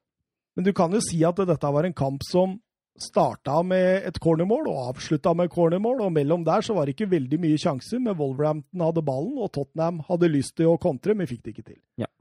Ja, og jeg må jo si det at de kantene til Wolfs, der er det, det er fyr og flamme. altså. Adama og Neto, gud bedre for noen Ja, og potens inni der også. Ja, ja, ja. Det er nydelig. Og det er så synd, men det skorter altså på tyngde i boksen til Wolfs. Altså, De kan komme rundt på den kanten så mange ganger de bare gidder så lenge Fabio Silva blir bitte liten inni den boksen her, og de ikke greier å fylle på flere folk, helt ufarlig. Jeg syns Tottenham har full kontroll, til tross for at Wolls stadig vekk er nede ved linja og legger inn. Ja, absolutt. Og det, det, verker jo, den klubben verker jo etter eh, Raúl Jiminez, det sier jo seg sjøl. Ja, men du ser jo også Fabio Silva, det er mye potensial der. Ja, det er det ingen tvil om. Mye fine bevegelser. Det er en vilje der som, som, eh, som kom, han kommer til å bli veldig bra. Eh, men eh, Altså I en kamp da med Tottenham som spiller med tre stoppere store deler av kampen. Men det speila taktikken til Wolverhampton ja, men når de kommer rundt på kant, så ser du hvor ofte Ben Davies blir ganske trang. Mm. Og da gjør at ofte da Davies og Sanchez og, og Dyer og Ben Davies i boks der får ofte veldig enkle arbeidsforhold. Altså. Ja, absolutt. Absolutt. Og banens gigantsøren, Ndombele, eller? Ja, herregud, det var jo, det var jo knallsteg. Ikke bare scoren, han, han, jobber jo iherdig defensivt. Han står jo nesten for alt som Tottenham har av uh, overgangsmomenter, og det er, det er pupeklasse der. Den ene, den ene overgangen etter 20 minutter, hvor han, hvor han drar av seg Ja, Wolfsburg takler seg sjøl. Ja. halve Wolfslaget, og så var det bare en dårlig avslutning av Rigujon som eh, hindrer at det blir noe mer. Det er Jeg trekker fram Neto, jeg, altså. Jeg syns han er fantastisk i den kampen her, og, og, står bak veldig mye av det Wolverhampton skaper. Faktisk. Jo, men han er ikke alltid like effektiv. Det er, Nei, det er, men det er liksom... ikke alltid hans skyld heller. Nei. Når du kommer rundt på linja der gang etter gang, greit nok, du ser noen ganger orienterer han seg ikke, bare, han bare slår inn. Men, men ah, det er så lite som mangler før han er verdensklasse kantspiller. altså. Ja, han, altså, han, tror jeg kan spille både høyre- og venstrekant med hell. Vi snakka jo om før sesongen når vi tok for oss eh, Wolverhampton i ligatipset, at disse Nepto, eh, Traore og Podens de kan skape trøbbel for de aller, aller fleste. De, Potens? Det, ja, men han er fantastisk. Mm. Ja. Se på den tygdeoverføringa, se ja. på den lekenheten. Når han tar Høibjerg der. Den finta der. altså, Høibjerg står ennå an og lurer på hvor den ballen er. jeg bare what?! Nei, det er helt enormt. Men det, det er X-faktoren til Podens. Det jeg mm. tror de tre der, altså. Men, men, men én offensiv midtbanespiller til som kan fylle på i boks. En, den donker, en, en, litt mer power mm. spiller. Eh, I hvert fall når de, ikke, når de mangler Himinez, ja. så kan det der bli. Men, men, det er åpenbart at Nuno, Nuno Espirito Santos han, han, stilte jo eh, både Neves og uh, Motinho for, på, på, grunn av overgangene til Tottenham. Og du så jo hvor sentrert de blei på å stoppe Kane og holde han mm. feilvendt. og Han, skulle, han blei jo sparka ned x antall ganger, liksom. Mm. Så eh, Det blei en veldig vanskelig kamp for Tottenham i det hele tatt, og Mourinho bytter til en firer bak. og der syns jeg han bommer. Mm. Jeg synes det. Eh, grunnen til det er, eh, er, at jeg føler Tottenham har full kontroll. Altså, det hjelper ikke at Wolves er farlige rundt og, og på siden av boksen, fordi inni boksen så er de helt ufarlige. Mm. Så med mindre Neves foregår et kanonskudd, eller at Pedro Neto dribler seg hele veien inn, så, så har Tottenham egentlig full kontroll. Og du ser idet de gjør det byttet med å få inn Bergwijn der, Ben Davies går ut venstre back. For det første sliter jo Ben Davies big time med Traoré. Og for det andre så, så mister de den tryggheten i boksen. Mm. mm. Selv om man ser jo poenget til Bergwijn, du nevnte vel det litt før podkasten, med å få tetta igjen rundt uh, kantspillere, men uh, det funka dårlig. Ja, absolutt. Og da skårer jo Wolverhampton til slutt, på corner. Uh, ben Davies igjen, da, som ikke henger helt med size. Som setter den på første. Ja, vi, vi høvla over Grismann og han dreit seg ut i markeringa. Det der er også ræva, rett og slett, av Ben Davies. Det er vel også han som gir til corner i tillegg. så... Mm skal forvente mer av en såpass rutinert spiller der. altså. Utvilsomt. Eh, også I tillegg så er det jo sånn åpenbart at Mourinho stoler på han defensivt når du får size på dødball. Ja. Eh, du setter ikke hvem som helst til å ta size. altså. Er en av de bedre hodespillerne til, eh, til Wolves. Spurs har dermed tapt ni poeng på de siste ti minuttene i Premier League. Eh, altså ni poeng.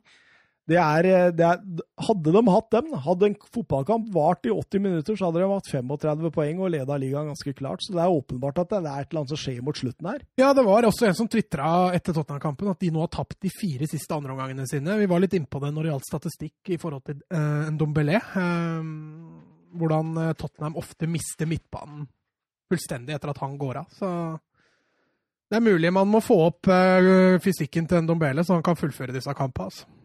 Men samtidig så ser du at det er ofte et go to-bytte for Mourinho. Ja. Når han skal begynne å safe, eller så er det ofte en Dombele som ryker.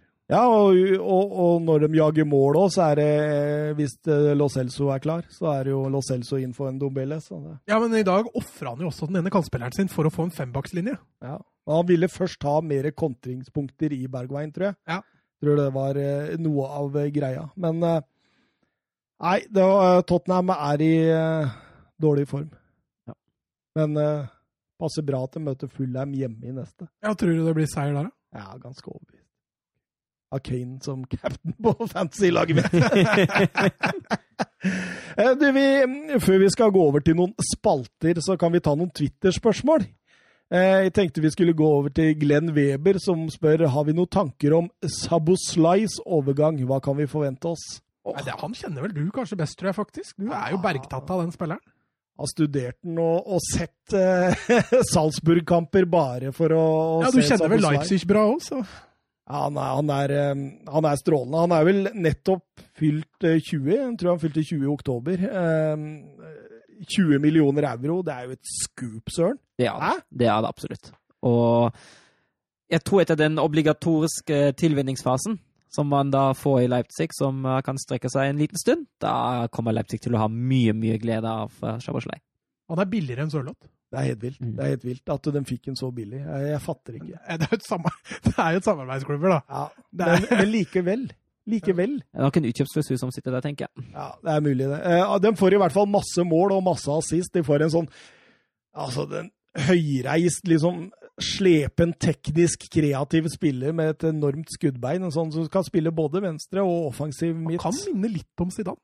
Ja, lite grann. Lite grann. Uh, du har visse trekk altså, der Zidane møter uh, Sabitzer. Det er Oi. litt der. Ja, absolutt. Og så har de allerede Sabitzer. ja, men han skal jo til Tottenham nå, har du ikke lest ryktene? Tenk han i Tottenham. Ja, store rykter nå. At, det, at, de, eh, at, Daniel Levi har sendt et uh, tilbud på 45 millioner euro til Leipzig nå, som vurderer det i disse tider. Så det blir spennende å se. Takk og farvel til Winks, i hvert fall. Vi får se om det går gjennom først. Det er langt ifra sikkert. Har tolv landskamper og tre mål allerede for Ungarn, denne Zoboslai. og jeg Eh, det finnes vel knapt nok en spiller i de eh, topp eh, fire-fem-ligaene i verden hvor jeg, jeg, jeg med, har mer man-crush, egentlig. altså. Jeg, jeg bare digger den. det, han, er din, han er din Graylish? Ja, han er min. han, han, er det. Ja, det er litt med det at jeg oppdaga han da han var 18 og liksom på en måte Ja, jeg tror ikke det var veldig mange i Norge som dro han fram eh, før jeg gjorde det. Så artig type. Og jeg, jeg Misunnelig, kan jeg si. Jeg skulle gjerne hatt den i Tottenham. Var vel også linka til Arsenal, tror jeg, ganske kraftig. Bra han ikke gikk dit. Da, da for, e, for, egen del òg, tror jeg det er bra. Det da kunne jeg fått meg en liten uh, kilevink. Uh, nå er det jo sånn, da, gutta, at uh, Paris Saint-Germain har sparka treneren sin. og det ser ut På julaften! Ja. Her, god jul! Hæ? Fy fader, for en gjeng, altså. Ja, fytti katta. Eh, det er ikke akkurat sånn at altså, Ja, den var ikke prestert veldig bra, det skal jeg innrømme. Men, men, men, altså, på altså, julaften, altså vant, gitt! Altså vant de 4-0. Kunne ikke vente de tre dagene til etter jul, i hvert fall. da, Herregud, da. Det er mulig han hadde fått beskjed før, altså. Men nyheten blei sluppet julaften. God jul. Lurer på om de pakka inn den beskjeden. Altså. ja, han kom med pakke her fra fra, din! fra QSI. Gratulerer med god jul, holdt jeg på å si. god jul! Og happy new year! Til Thomas Tussel. Nei, vet du hva? Porcetino eh, ser jo ut som det går i orden, gjør ikke det? Jo. Jeg også har en uh, det er Kanskje den nyheten det er best for, er Solskjær, faktisk. Mm. Ja.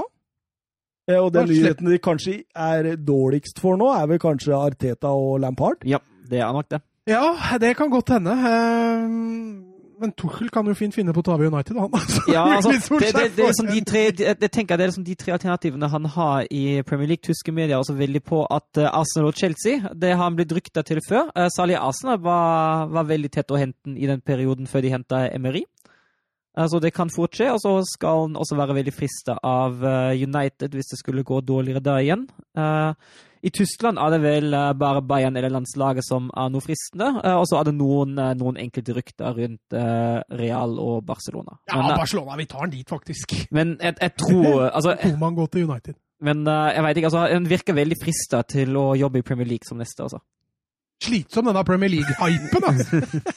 Alle skal til Premier League. Fryktelig slitsomt. Hvem veit? Men, men hadde ikke Altså, er det helt utenkelig at han forsoner seg med Dortmund igjen, eller? Så? Kan ikke se det for meg. Jeg veit ikke. Jeg, jeg, tror ikke det, altså. Det, det var Altså, han har, han har, slitt så mye på det miljøet der, eh, og han fikk jo ikke sparken fordi han var for dårlig, han fikk jo sparken fordi han var ufyselig. For å si det sånn. Nice. Kanskje ikke skal ha han i Barca likevel. Nei, der kommer Shawi, gjør han ikke det? Altså, spillerne hater ham til slutt. Ja, helt sykt. Men Pochettino i Paris Saint-Germain, hva tror vi? Nå, vi svarer på Jonathan Hobber. Så Jonathan Hobber han sitter hjemme og tenker nå, ah, nå går det med noe mitt spørsmål uten å nevne mitt navn her. Men uh, hva, hva, tror vi om Pochettino i Paris Saint-Germain? Er det mm, match made in heaven, eller? Ja, altså Med tanke på at uh, altså, å trene PSG det er synonymt med seriegull, i hvert fall. Mm. Uh, så, så, den store Så nå vinner han noen pokaler? Ja, nå får han en pokal. men det er klart, det som teller i PSG, er jo Champions League. Det er det eneste du ånder å, å drive med der. For, det du blir målt på. For serien, den skal du vinne, liksom. Uansett. Til og med den franske cupen skal du vinne. Sånn at skulle han lykkes i Champions League, så får han vel en liten heltestatus der. Men det, men det blir spennende å se hva, hva, som skjer med dette Qatar Investments. For, eh, for det har jo vært rykta lenge nå at de skal trekke seg ut. Eh, mm. Og mister de de penga der, da er det ikke mye igjen av PSG. altså. Det er godt uh, ungdomsarbeid der, da. Utvilsomt, men du ser de største talentene PSG har, spiller jo ikke i PSG lenger. Nei, de gjør ikke det. De går tidlig til andre klubber. Ja, det, det har nok litt med ligaen å gjøre. og du ser også, Jeg tror også flere spillere der som angrer litt på at de ikke har gått til større ligaer. Oi, oi, oi, det blir spennende å se. Høres for vilt ut at Lampard skal få sparken nå. Ja, det Jeg gjør ikke det? Hører de... jo, jeg, tror, uh... jeg tror ikke altså, altså, Det er litt hele med den statusen at altså, det vingler litt. Det vingler litt som, litt som med Solskjær, at det, det, er litt sånn stabilt ustabilt. Uh, og så er han jo, i likhet med, med Solskjær, det han har problemer, han er jo en klubblegende. Og det er gjerne litt vanskelig for klubber å sparke klubblegender. Ja, jeg tror det sitter fryktelig langt inne. Jeg tror det skal gå dårlig over tid. mm. det, er ikke, det, er ikke, snakk om en dårlig periode sånn som nå. For dette retter Chelsea opp. Eh, i løpet av et par kamper allikevel. Eh, og da er plutselig alt fryd og gammen igjen. Eh, og så må vi så se på årets sesong, for i år kan hvem som helst vinne. Men Ateta, å begynne å fyre trenere nå, det tror jeg er dumt. Altså. Ateta er jeg litt mer bekymra for, for å si det sånn. Ja, men der har det jo vært dårlig stemning lenge. Så ja. at han er mer usikker enn Lampard, utvilsomt. Og så var, altså var, jo Asne skal jo ha vært rimelig tett på Torhild før, og jeg tror de angra seg at de gikk for Emery og ikke Torhild. Abram. ja, I etterpåklokskapen da, så er jeg enig med deg. Abramovic har jo vært, eh, har jo vært kåt på Torshäll siden 2018. Han ville jo virkelig ha han inn da. Så eh, vi har jo sett eksempler av at eh, man har fyrt managere kun fordi andre har blitt ledige tidligere. Så det, det kan godt hende at det, det, det, er et par klubber nå som jobber litt ekstra. Men altså, Chelsea, altså Lampard klarte topp fire i fjor. Mm. Første sesong. Eh, så langt så har de jo hengt på både seriegull og, og de er videre i Champions League som gruppevinnere. De. Men det må dem. Det er et minstekrav når du har brukt så mye penger. Jo, men de er jo der òg. Han driver jo og setter sammen et helt nytt lag. Og de er ikke akterutseilt noen steder. De er riktignok ute av uh, ligacupen, men that's it. Mm. Eh, nå begynner jo ligacupen Nei, vi har ikke begynt ligacupen ennå, riktignok. Men uh, jeg, jeg, jeg, ikke, jeg, blir overraska hvis Lampard mister Nei, det, det gjør jeg jo. Jeg tror han er nærmere Arsenal i så fall. Men ja, vi får se. Vi får se. Kanskje det blir uh, Sheffield United, fordi Var det Oliver Burke nå som tangerte Ja! Det er snart så Bale slipper å ha den rekorden. Det tror jeg han er Ett tap til nå, så slipper Bale rekorden. Ja, han må starte, da. Ja, stemmer, stemmer. Men han uh, starter jo sånn, for nå er jo alt skada framover der i banen. Ja, jeg leste noe at nå hadde Sheffield United kjempemulighet, fordi Everton var litt redusert. Men når du så laget til Sheffield United, var det jo ikke mye mindre de hadde borte. Så satt jo ikke med noe sånn håp for Sheffield United i den kampen. Møter Brunley i morgen, da. Ja, ja, så det, det, det, kan jo gå, men Det er på bortebane, er det ikke? Mm -hmm. Sean Dice på bortebane, det er ikke enkelt, det. Nei, her møter de hverandre i døra. Ja, Gjør de ikke det? Kan fort gjøre det, altså. Det blir spennende å se. Så spennende veit jeg ikke om det skal bli å se, faktisk. Det er mulig jeg velger. Det går et par andre kamper samtidig i morgen. Eh, ja, men jeg kommer til å legge merke til det, da. Kanskje, kan hende bli en highlights. Nå skal vi over til en morsom greie, fordi Mats Granvold han har jo lenge irritert seg over alle store talentene La Masia produserer som ikke forblir i Barcelona. og jeg tenker jo Du må jo være meget glad når du ser uh, ryktene i dag om at Beyerin er i forhandlinger ja. med Barcelona. Det... Og så ble jeg litt misfornøyd. Så Pooch var i forhandlinger med Arsenal, så det er mulig Ja, og City. Det... Ja. ja. Går kontrakten hans ut til sommeren? Ja, ja, men uh, der har Barca opsjon. Ja, okay. Så de kan utløse to nye år der. Ja. Men eh, så dermed da, så ville vi jo gjøre litt stas på Mats og dette med La Masia, og, og vi fant ut at da kan vi jo eh, spille opp til en fotballkamp, Real Madrid mot Barcelona, i forhold til hvem som har produsert best spillere. Men som ikke som, er i Men som ikke er i klubben, ja. Mm. Og, så, og så lager vi to elvere, og så gjør vi opp status til slutt. Ja. Og så møtes de på Twitter, får vi se hvem som vinner. Ja, det blir gøy. Det blir gøy. Det blir ikke så gøy, for Barca for juling. Ja, tror du det? Vi får, Nei, vi får se. nei, vi får Vi får se. Vi får se. Eh, keepere i Barcelona, Mats. Ja, det er jo faktisk litt å velge mellom der, da. Eh, Jordi Masip, som gjør det strålende i Valladolid. Eh, eller strålende, han gjør det decent i Valladolid, i hvert fall. Er vel, er vel kanskje en å nevne. Pepe Reina. Eh, nå gammel og grå, selvfølgelig, men, men fortsatt Har han spilt A-kamper for Barcelona? Eh, nei, det tror jeg ikke. Nei? Nei? Litt usikker. Nå tok du meg litt på senga. Ja. Eh, og, og Jerola Sabal, som, eh, som sitter litt på benken riktignok for Levante, men er med. Men, men for meg så blir det Onana, som er i Ajax. Eh, har du noe å tillegge, Søren? Jeg kom på Ruben Martine, Ruben Martine sitt tillegg, men eh, jeg kan gå veldig med på Anana. Onana. Ja. Anna. Onani.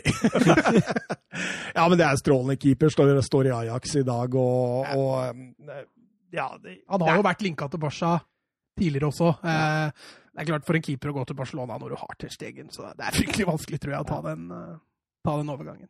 var linka til Chelsea en periode der òg. Ja. Men vi, vi, vi eh, ringer rundt Onana som vårt valg, og så går vi til høyrebekken, Søren. Ja, da fant jeg tre i vurderinga. Det var Alex Vidal, eh, Martin Montoya og nevnte Hector Beyerin. Og da lander jeg på Beyerin.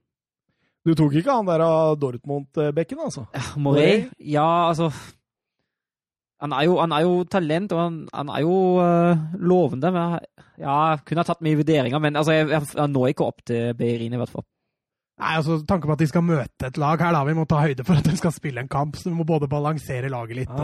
og sånne ting. også. jeg, jeg også faller nok ned på Beirin. Men hvis vi sitter og gjør dette om noen år, akkurat det samme, så kommer det opp en Mark Jorado på Manchester United. Eh, Han gikk til United i fjor, han. Ja, 2004-modell. De sier at det er et av Spanias største talenter. Blei ble henta til Manchester United for bare 175 000 euro som en sånn slags kompensasjon. Eh, og er en sånn skikkelig sånn moderne back-type, så dette kan bli de nye Beyerin, eh, Mats. Ja. Det er selvfølgelig bittert at gutta går så tidlig, men, Men, eh, men vi, vi ringer eh, Beyerin, eh, og så går vi over på eh, venstrebekken. Og der, hva, hva finner vi der, Mats? Nei, det var ikke så veldig mye krutt å ta der. Du har en Alex Moreno i, i Real Betis. eh, Du har en Quintia i, i Norwich, eh, men jeg lander på, på Grimaldo, som jeg stort sett gjør når vi sitter og følger ja. Eh, Benfica-bekken. Eh, om- Veldig varierende, riktignok, men, men på sitt beste egentlig en strålende venstrebekk.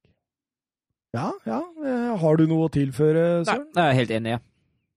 Men, men eh, der også har vi jo et par sånne for framtida som er veldig gøye. Sånn som eh, eh, du har han Lar, Larlos, er det det han heter, som har dratt til, til Manchester City. Mm. Ja Det var en voldsom dragkamp når han dro mellom Manchester United, Arsenal og Liverpool. City vant den duellen og betaler 400 000 i kompensasjon. og eh, fikk tilnavnet det nye Jordi Alba i La Masia. Så det, det, det kan komme en venstrebekk også som er ganske bra om noen år, men, men at vi kan, eh, kan ringe ut eh, Grimaldo, det syns jeg.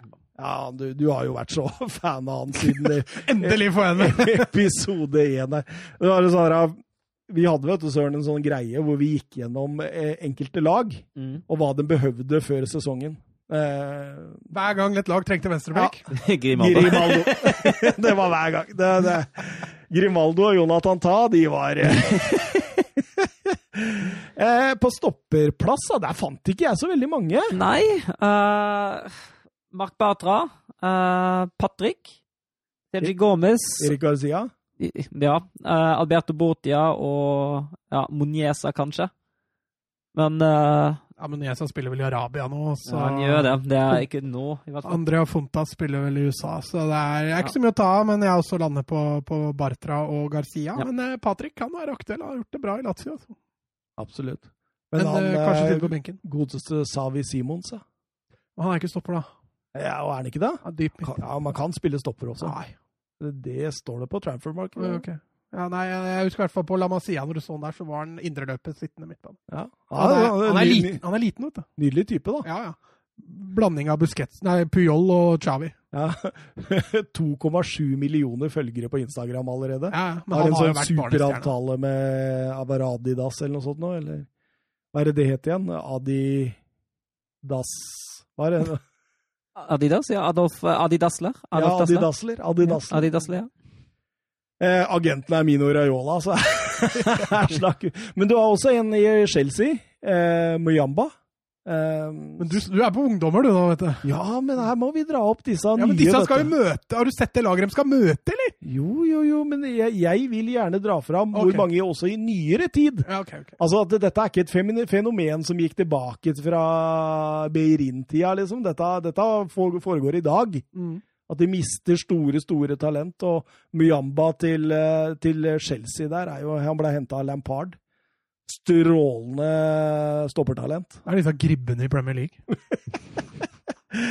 Gribber. Høyre kant eh, Der fant vi noen. Ja, du har flere der. Eh, Kubo, faktisk, kunne vi dratt inn. Via Real, utlånte via Real. Dialofeu i Watford kunne vært aktuell. Pedro. Lander eh, til slutt på selvfølgelig på Adama Traoré i Wolves. Han eh, skiller seg vel litt ut der. Ja, det gjør jeg òg. Den er eh, ganske udiskutabelt. Åssen stopper det? var det Bartra og Garcia vi Ja, Bartra og Garcia. Ja. Ikke strålende stoppere. Kunne vært bedre. Eh, Venstrekant, Søren. Ja, da har jeg tatt med Delofeo. Han eh, spiller vel på venstre nå. Ja, han kan eh, operere der òg. Ja, og så har Mark Cosorella og gamle Barca-spilleren eh, Christian Tello. Jeg ender faktisk til slutt på Delofeo, ja. Ja, jeg er litt uenig med deg. Jeg går for Kukureya. Jeg syns Dialofeu etter at han kom til Watford har vært veldig varierende. Nå har jeg ikke sett noe særlig av han i år, da, men Kukureya har jo vært strålende i Ja, jeg vil ha Keite Balde Diao. Ja, men han Han var strålende han i Nei. sin tid. Jo, i sin tid, ja. ja, ja, ja. Rula jo Serie A, og så fikk han vel en overgang til Monaco. Ja, ja, og så falt den Ja, falt han litt i fisk der, men eh, Jeg kan, jeg kan være med på Mats og si Cosorella, altså. Det er greit nok, det. skal vi gjøre det, altså? Ja. Hva vil du ha, da? Nei, Vil du ha en Keita Keita-Balde? Balde Jeg syns eh, Var det en utprega kant, han hvis jeg husker riktig? Ja da, han spiller ut venstre, han, vet du. Jeg husker han som sentral. jeg. Gjør du det? Ja. Var det Lazio? Han var så enorm! Ja, Lazio. Ja. Der var han helt strålende. Jeg, jeg, jeg, jo på- Hvis de skal spille i morgen, altså. Ja, ok. Ja. Nei, men eh, Nei, han eh, er vel i Sampdoria nå. Er vi ikke helt ved sine fulle fem ennå, men, men nivået er eh, fantast, fantastisk. Fantastisk. Fantastisk. Nei, men det, det, det blir spennende eh, med Cucurella på Jeg, jeg syns han er litt sånn begrensa, jeg, men eh, nei, nei. Eh, sentrale da, Mats. Ja, nå, nå tenker jeg litt balanse her, da. Det må nevnes. Altså, Du har gamle storheter som Iniesta og Fabregas. Han kunne jo Ja, men de, de blir litt Siden de hadde så store karrierer i Barcelona Ja. sjøl, så kan vi liksom ikke ta dem med, føler jeg. eh, Jonathan Dos Santos er vel også kanskje litt i Og Giovanni Dos Santos, for den saks skyld. Er ikke akkurat gode spillere nå. Sergi Samper, som er i, i Japan. Eh, Kaptom, som spiller benk i Betis. Eh, Manu Trigeros, som er bra i Villarreal, kunne vært aktuell. Lander uansett på Oriol Romeu og Tiago. Og så har jeg eh, har jo også Victor Sanchez, da, men han Hvor har du Dani Olmås? Topp? Han er en av spissa, ja. Ja, okay. Så det er de jeg lander på. Søren, har du noe å tilføre her? Nei, jeg er enig med Mats, ja. Ja, det er jo, jo? Barcelona-eksperten, så Ja. er liksom 4-4-2-formasjon passer jo egentlig ikke Barca her i hele tatt, så vi må Nei, nei, nei, men uh, Oriolo Romeo og Tiago Alcantara Ja, spille hverandre fint, dem, da. Jo jo, men er eh, Romeo bedre enn de vi kan putte inn som spiss, hvis vi kan sette Olmo ned på Det blir jo så u... eh, Ja, men har vi noen gang brydd oss om det? Nei, nei. Jeg bare tenker at de skal vinne en kamp, jeg. Ja, ok. Du, ja, for du, du går for det? ja? Men altså, Jeg er helt enig i at det blir litt mer spektakulært hvis du setter Olmo ned sentralt. Ja, det, det er jo det jeg tenkte på i forhold til Twitter, hvis du skal vinne. da. Men, Ja, ja, sånn, ja. Ja, ok. Ja, nei, men Da kjører vi Olmo ned sentralt. Ja, vi gjør det. Vi må bare ha flest mulig stjerner på laget, er det det du mener? Ja, Hvis vi skal kjøre en sånn Twitter-greie, så må vi jo prøve på det. Ok, ok, ok. Hvilken av disse lagene ville vunnet? uh, det er ikke mange der som tenker balanse på Twitter. Nei, unnskyld. Nei, eh, vi, eh, vi kan jo kjøre det. Den konstellasjonen, Tiago Alcantara og Dani Olmo, det er jo nydelig, nydelig midtbane. Da. Det er vakkert. Du skulle hatt begge de to inn. Hva mener du, begge de to? Inn i Barca. Olmo og Tiago? Ja. Utvilsomt. Ja. Ti dager i uka. Spissere, har vi noen? Den ene er for Mauro Icardi. Den uh, er ganske safe. Uh, slet litt med partneren hans, jeg. Det må jeg da alle innrømme. Det Uh, blir Louis Barry. Ja, da er vi litt tilbake igjen til det. Altså, du har jo Ruben Rochina. Uh, er vel på vei ned, selvfølgelig, men Bojan Kirkic kunne jo vært aktuell. eh. Antonio Sanabria, som spiller i Betis, får ikke spille så mye, men er, eh, er Aksandro, som vi har ledd litt av tidligere, kunne jo Jeg lander jo på Munir. Ja. Eller Haddadi. Gjør vi ikke det? jo, vi gjør det. Munir og Icardi, og da da får vi, vi får et bra lag. Onana i mål, Beirin høyrebekk, Grimaldo venstrebekk, Bartra og Erik Garcia midtstoppere. Adama Traore høyre kant, Cucurella venstre kant, med Tiago Alcantara og Dani Olmo sentralt. Mhm. Og Munir og Mauro Icardi Vandanara på, på topp. Det er eh, nydelig. Da kan vi gå over til Real Madrid, da. Ja, jeg kan jo starte på keeperplassen. Da var det litt å ta. Uh, David Soria, Fernando Pacheco, Kiko Casilla, Diego Lopez. Eh, Jeg har Antonio Dano, men eh, ja, han det når jo ikke opp. kan jo, kan jo gå for Soria her, kanskje, tenker jeg. Ja, jeg sto mellom Soria og, og Casilla og Diego Lopez, egentlig. Eh, nå er Diego Lopez snart 100 år, så David Soria er vel Det er det naturlige valget. Så gjør Og det det bra. rasismegreiene, Casilla, og det, ut, det Ja. gjør at vi bare trekker den ut. Ja. Så kjører vi David Soria, Getafe-keeperen, som jeg faktisk syns er en ganske bra keeper. altså. Mm. Eh, Høyrebekk, der har jeg bare én. jeg.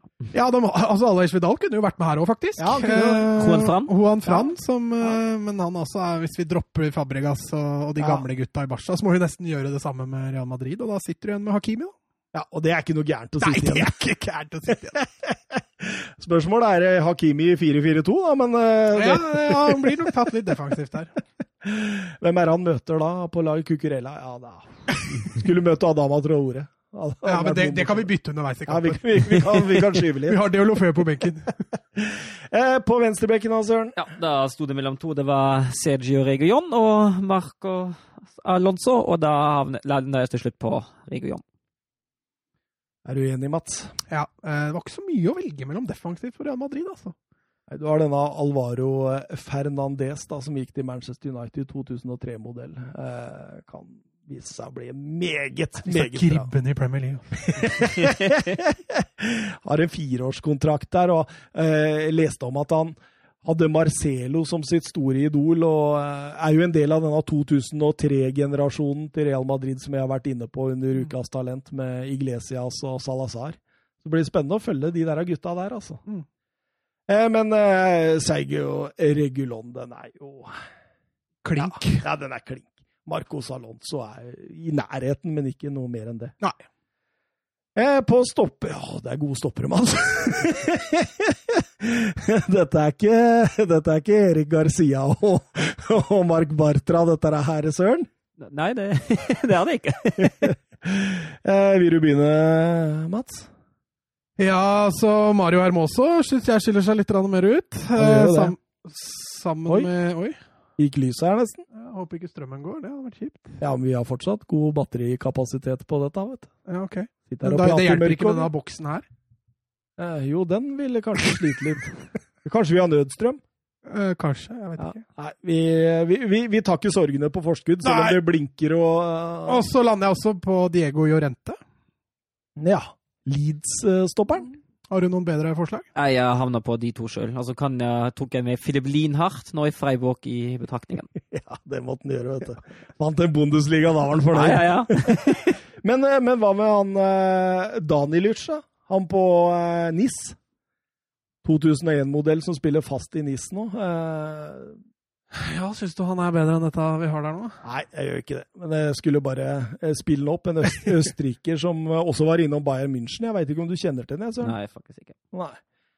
Eh, spilt 9 av 16 kamper for NIS i league Ø nå, men eh, kan vel ikke kjempe seg inn mellom Herremoso og Jorente. Da tar vi høyrekanten, da. Ja, midtbanen, der er det mer slitsomt, faktisk. Der har vi mye å velge mellom.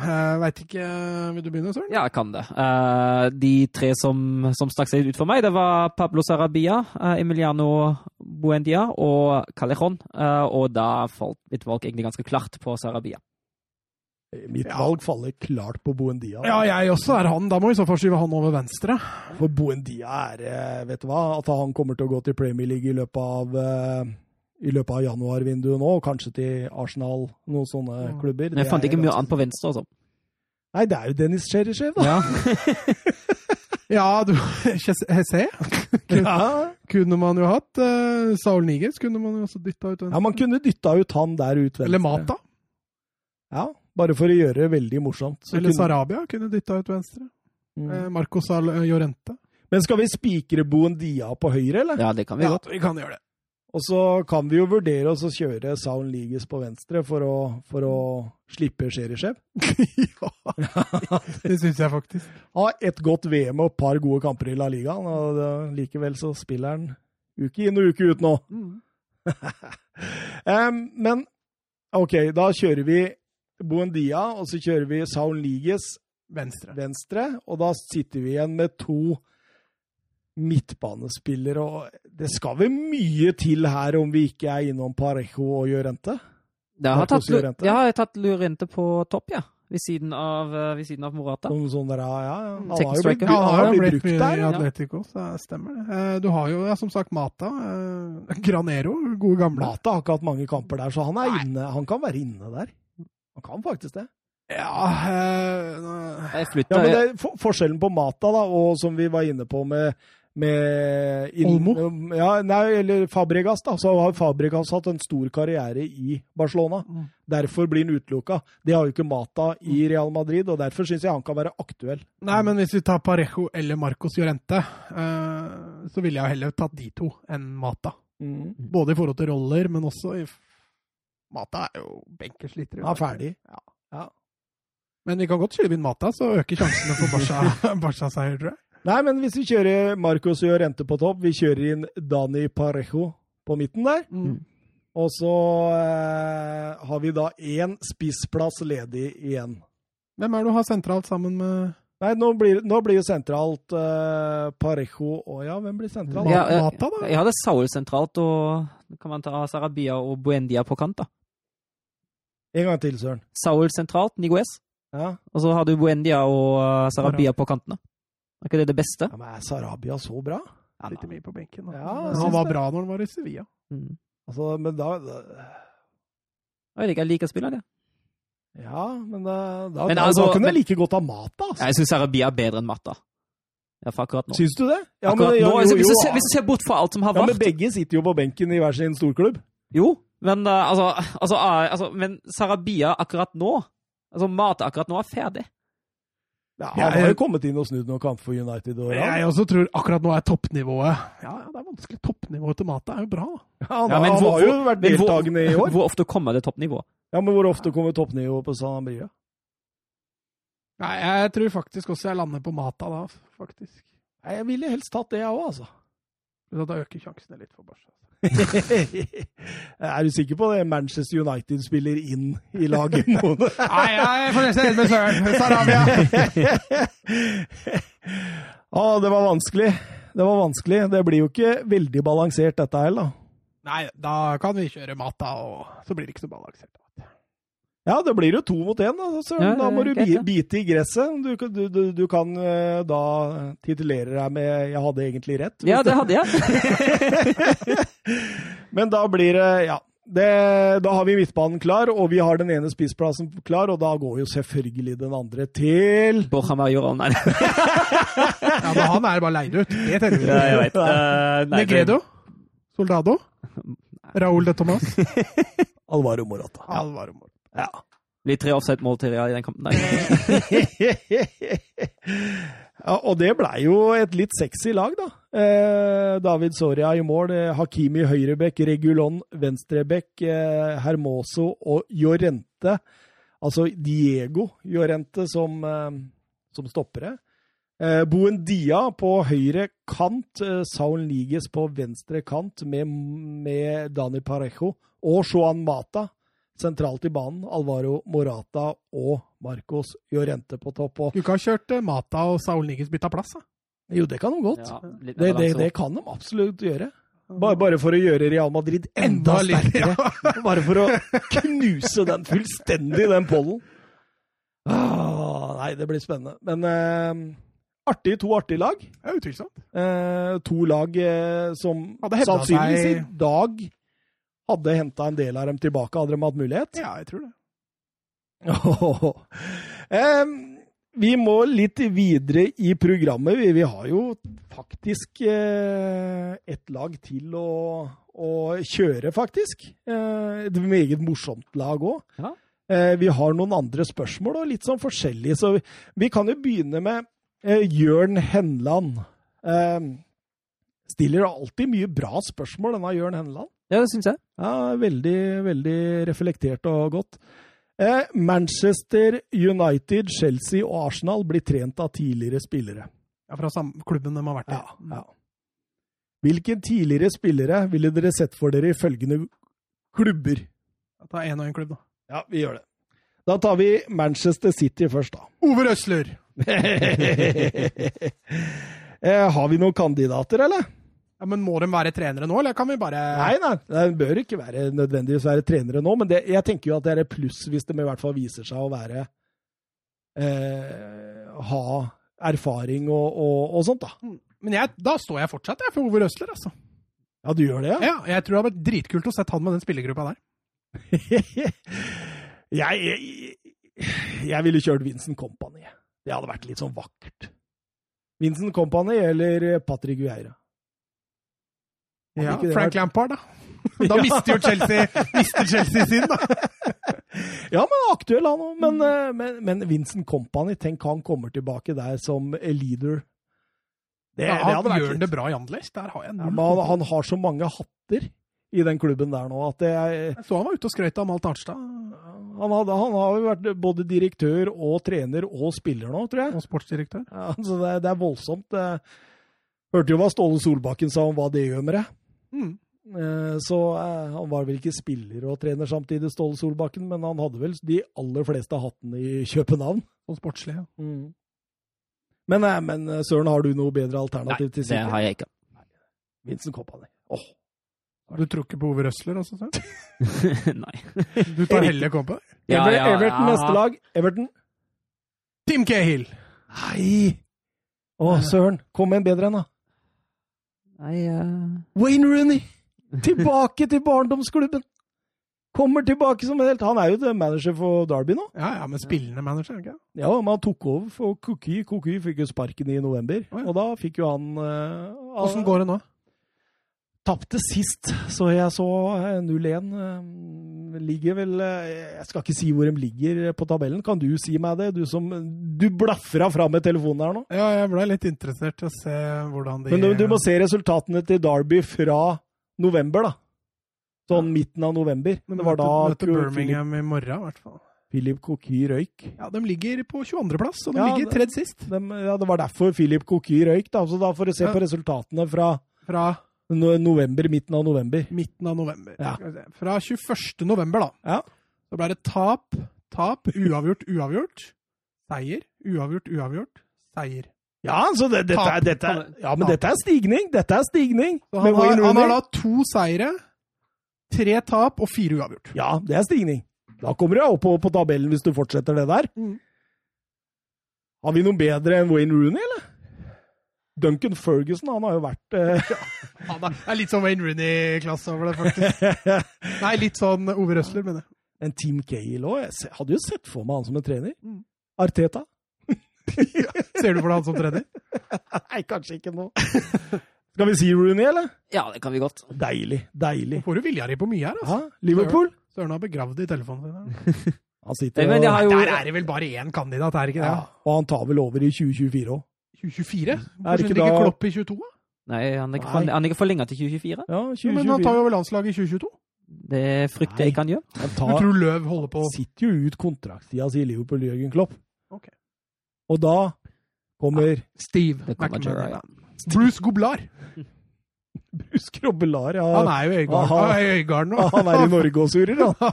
Fått litt erfaring i Obos-ligaen i år. han. Nei, Captain eh, Fantastic eh, Steven Gerrard må jo inn der. Ja. Det sier jo seg sjøl. I Newcastle Alan Shearer. Shearer. Ja, han sitter jo og mener mye i studio Ja. for tida. Han gjør det. Han gjør det. Sitter som oss og mener og mener. Der og... kan dere også dra en Joey Barton. Ja, det hadde vært moro. Det hadde vært moro for deg. Ja, det hadde vært gøy. Det, kan- det kan de på, i trenerstolen mot Newcastle Chelsea, ja. Peter Crouch. Shola Miobi. Andy Carroll. Nå tok du meg på senga. Peter Nei, Crouch, Peter han Crouch spilte i Newcastle. Men det var derfor jeg gikk fort videre til neste. For jeg kom på for- Han har jo ikke vært i Newcastle. Men hva med Jermaine Ginas? Han er også sånn uh, relativt fotballklok der han sitter i BBC-studio. Ja, Nikki Bøtta. Ja, for all del. Mhm. Han burde ha en managerspir av noe. Uh, men Alan Shearer, er ikke det kulest, da? Jo, det er det. Absolutt. Det er det. Det er det. Eh, Barcelona, Ja, der, der er det jo også bare én kandidat, vel. Xavi. Ja. Ja, Nei, jeg kom på Pep, jeg. Guardiola. Altså, Ja, det er urealistisk, men det har vært kult. Ja, ja, han mister jo jobben, da, hvis uh, Hvis uh, Hvem var det du skulle ha inn i City? Company. Så da blir jo Guardiola Ja. uten jobb, så da kan jo det være aktuelt, faktisk. Men Shawi kommer ned Ja, han til gjør jo det. Han gjør det. Mest sannsynlig. Han var jo ute med en statement og sa at han kom ikke før kontrakten hans var over i Qatar. Men Vi får uh, se. Victor Font lova sesongbilletter til alle Socios hvis, hvis han ikke ble henta inn. Så. eh, vi drar videre til eh, AC Milan. Da er det jo en del kandidater. Vi Mm. har jo Carlo Ancelotti, som kanskje den eh, mest fremtredende. Vi har jo. Andrea Pirlo, Filippe ja. Paolo Maldini, som er inne der Ja. allerede. Vi lander vel på Zlatan, vel. Som Men, men tror du han kommer til å bli trener? Nei. Nei. Jeg tror ikke det. altså. Nei, det er, det er for mye ego der. Han, han, Eh, legger eh, fotballen helt på hylla når Det han er ferdig i en alder av 47 år. Han retires, da er han ordentlig retired. ass. Det tror jeg òg. Jeg tror han graver seg ned et sted og blir der. Mm. På et eller annet eksotisk varmt sted, som ikke er Malmö.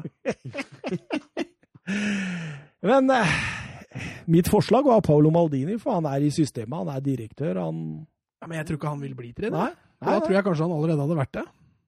Boban, da. Ja, Han røyk veldig uklar med ledelsen og forsvant ut der. Sjevsjenko? Åh. Ja, Sjevsjenko. Han er jo ukrainsk landslagstrener, er han ikke det? Ja. Skal vi ta Sjevsjenko, eller? Så? Ja, det kan vi godt. det er deilig. Sjevsjenko er deilig. Eh, Bayern München. Trenes jo av en tidligere spiller. Ja, Lik har 104 seriekamper for Bayern. og der fikk du den, Jørn Henland. Men det er jo ikke det han er mest kjent for, så det er helt greit, det. Nei, jeg visste det ikke sjøl, så jeg satt på Sabi Alonso. Hva med Oliver Kahn?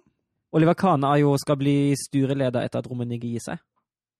Ja, men eh, vi har Kort, sett. kort vei fra styreleder Ja, til ja. Og når Kahn sier Det er litt sånn som Gattusso. Og så kan vi jo si Miroslav Klåse. han er vel assistent nå, så det er jo uh, trener framtid uh, som jobbes med. Jørgen Klinsmann, da? Det likte søren. Han er ikke noe Altså- for Jørgen Klinsmann. Altså kan jo på, hvis man, eh, hvis man skulle leite etter en ny sportssjef, da kan man jo også nevne navnet Max Ebel, som nå har fornyet sin kontrakt med Borussia Mönchenglapper fram til 2026. Det blir jo vanskelig, da, men han er jo en av de desidert beste sportsdirektørene vi har i hele Tyskland. Men skal vi bare si at eh, Vet du hva, Jørn Henland? eh, De, de trenes av en tidligere spiller. Ja. Eh, Dortmund.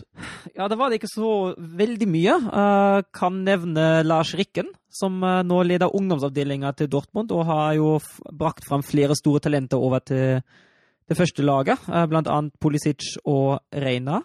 Uh, Sammer, ja. Samme er jo, samme er jo Hadde jo vært gull, han er jo en absolutt ekspert. Uh, men han fikk slag da han var sportsdirektør i Bayern og har sagt at han ikke ønsker den intensiteten lenger. Han jobber som en ekstern rådgiver uh, i Dortmund. Andy Møller, da.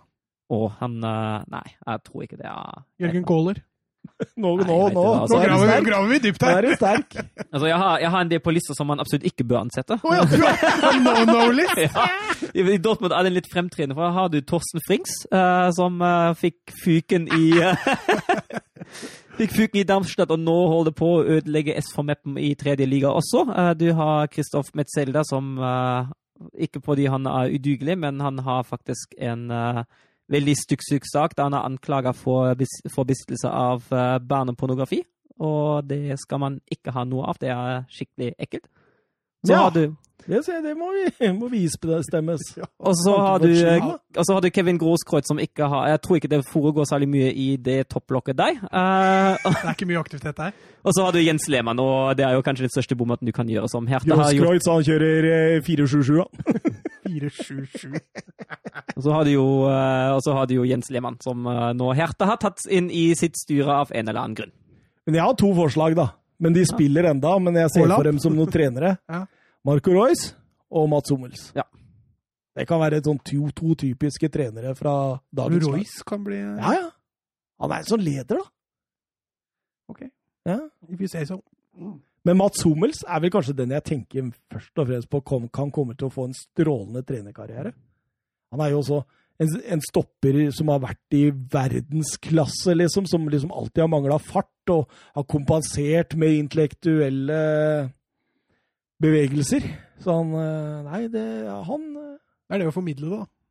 Vi, vi, får se, vi får se. Men han er jo vært captain, eller er han captain? Ja, han er captain. Ja, han er captain. Royce? Nei, Royce er, Royce er captain. Nei, ja. men, men, han, han, har vel, han har vel, han har vel uh, binda når Royce ikke spiller, og det er jo det har, vært, det har vært noen ganger, det. Ja. Eh, Vebjørn Fredheim spør på Twitter eh, ta de ti mest verdifulle spillere som eh, kan forhandle med andre klubber 1.1 på free transfer og fortelle oss hva løsningen blir for dem. Og da begynner vi Lionel Messi. Eh, forlengelse. Ja. Og jeg virkelig håper jeg. Ja, ja, det er litt mer håp. Det er ikke sikkert det blir. Eh, nå har jo Neymar vært ute på Twitter med litt sånne meldinger, litt sånne kryptiske meldinger med at det, nå er vi snart sammen igjen og sånne ting. Så vi får se om det blir PSG. Og så var han ute i intervjuet. Kanskje det er Neymar som drar til ja, Barcelona. det har ikke Barcelona råd til, så det skjer ikke. Men eh, da har det også hatt et intervju nå i romjula hvor han også sier at han har veldig lyst til å spille i Statene. Ja. Så du tror kanskje han kan allerede ryke over til MSL? Eh, ja, MLS sesongen? nå etter ja, sommeren. MLS, ja. MSL. Søren, eh, håper han blir værende, eller? Ja, det har vært kult. Det blir litt mer romantisk, i hvert fall. Mm. Men om han forsvinner, så er det greit å forsvinne over dammen? Ja, altså Hvis han blir borte, så håper jeg han forsvinner ut av Europa. i hvert fall. Mm. Det, det, redder ryktet hans litt òg. Ja, er helt enig. helt enig. Jeg håper og Hvis han avslutter karrieren i City eller PSG, så det blir bare feil. Og jeg tror det kan være Altså, City Nei, jeg tror ikke på det greiene. Og drar han til, drar til USA, så kan han herje litt. Ja, ikke sant? Ja, Da kommer han tilbake på de statsa han hadde ja, ja. for noen år siden. Eh, David Alaba. Ja, Han kommer til å dra, det er jeg ganske sikker på. Han, eh, de krangler om mye penger, og Bayern har sagt klart nei, fordi Alaba ville ha mer og mer. Uh, og da det jo flere Vil ha mer og mer, da. Hver gang! Når Bayern München sier nei, altså, ja, da vil jeg mer. nei, da vil jeg enda mer. Det var vel noen Strålende forhandlinger. det var noen urimelige krav, i hvert fall. Og uh, nyeste, nyeste rykter som har seilt opp nå, det er Real Madrid. Uh, men det er jo, altså, det er jo virkelig Europas, uh, Europas krem de la krem som er rykta til Alaba, Liverpool, United, Chelsea, Juventus, Barca og City. Og Alaba er jo en sånn spiller som kan vir virkelig gjøre nesten hvert lag bedre. Ja, jeg tenker her, altså Det er vel egentlig bare, det blir en bra kamp. Nei, bare, bare City som nå er godt forspent på stopperen av de mm. du nevner. Eh, Ramos synger på siste verset. Barca hadde jo absolutt trengt den, men de kan jo bare drite i det. Eh, så, så, har du både United kunne trengt den, eh, Liverpool kunne trengt den, eh, Chelsea kunne trengt han. Så, så jeg jeg, jeg syns det der lukter Real Madrid. Mm. Jeg syns det. Mm. Jeg, jeg, er ikke Jeg er til og med ikke overraska om det allerede er don deal, liksom. At det bare ventes med å publiseres. Juventus er jo litt sånn der free transfers kings. king. Ja, ja, det, det, det er veldig òg, så det, det, er ikke umulig. Nå hørte jeg noen rykter om at kanskje Mesut Özil Det er en signering i gata til Juventus, ja, det er helt riktig. 30 pluss vederlagsfritt. Gratis følger, det er rett hjem der. Donnaroma, hvor Eller, ja, jo, vi sa at han dro, vi dro til Real Madrid, var det ikke det? Ja. Donna Donnaroma? Jeg tror han forlenga. Mm. Men uh, hvis han ikke forlenger Han kan få litt, få litt se på mange de, men nå begynner jo han å surre litt, i hvert fall. Og Chelsea kan jo fortsatt være en kandidat. Det, det som er litt skremmende med Donnaroma, det er at han har Raiola som agent, Ja. og at de er såpass langt unna hverandre. Altså, eh, Donnaroma vil ha 10 millioner euro i året, og Milan vil gi 6. Det er, nest, det er bare rett over halvparten. Og at Milan jobber med dette med lønnsstrukturen i klubben as we speak. Eh, det lureste hadde kanskje vært å gitt den 10 millioner og prøvd å solgt den. Eh, ja, hvis du skjønner hva jeg mener. Ja. Men eh, jeg håper og tror han blir. Og hvem er det han skal dra til? Altså, Det er som sagt Chelsea, de har et keeperproblem. Men, men ser du de andre store Eller de har ikke et problem, de har en utfordring. Men ser du de andre store klubbene i England, Tyskland ja, Kanskje Dortmund, da, men jeg tror ikke det er uh, aktuelt. Nei, Jeg tror ikke de Eh, betaler Fra 10 Milan til Dortmund. Dortmund. Og sånn. Spania, altså Juventus, da kanskje. Mm. Eh, kunne trengt en Donnarumma, men, uh, Men hadde, hadde Donnarumma dratt til en annen italiensk klubb? på 10 millioner euro? Ja. Med Mino Raiola som- eh, agent. Kan fortsette. Altså. Ah, men hva, hva, hva tenker vi? Blir det Ja, jeg tror blir. Jeg holder, tror knapp, det? jeg holder en liten knapp på det altså. Jeg tror ikke det. Raiola tror jeg er helt håpløs Ja, jeg, jeg tror nesten at det, Da må Milan eh, kapitulere og si OK. Mm. Nei, da holder jeg en knapp på Chelsea. altså. Deilig, deilig, deilig. Eh, Memphis Depay. Altså, altså da, da tenker jeg Hvor mye vakt har Ronald Coman nå? Tenker jeg da. Jo, men han kan jo forhandle vederlagsfritt om han, da. Så det betyr at de kan signere han allerede i januar nå. Og så, så vil jo det nye styret vil jo ikke kunne gjøre noe med det. Nei. Så det er jo som du sier, det koster jo ikke Barca noe å signere. Det er jo selvfølgelig en sign-on-fee, sikkert, men uh, mer enn det er det jo ikke. Så, og, og Koman var jo langflat etter han i sommer.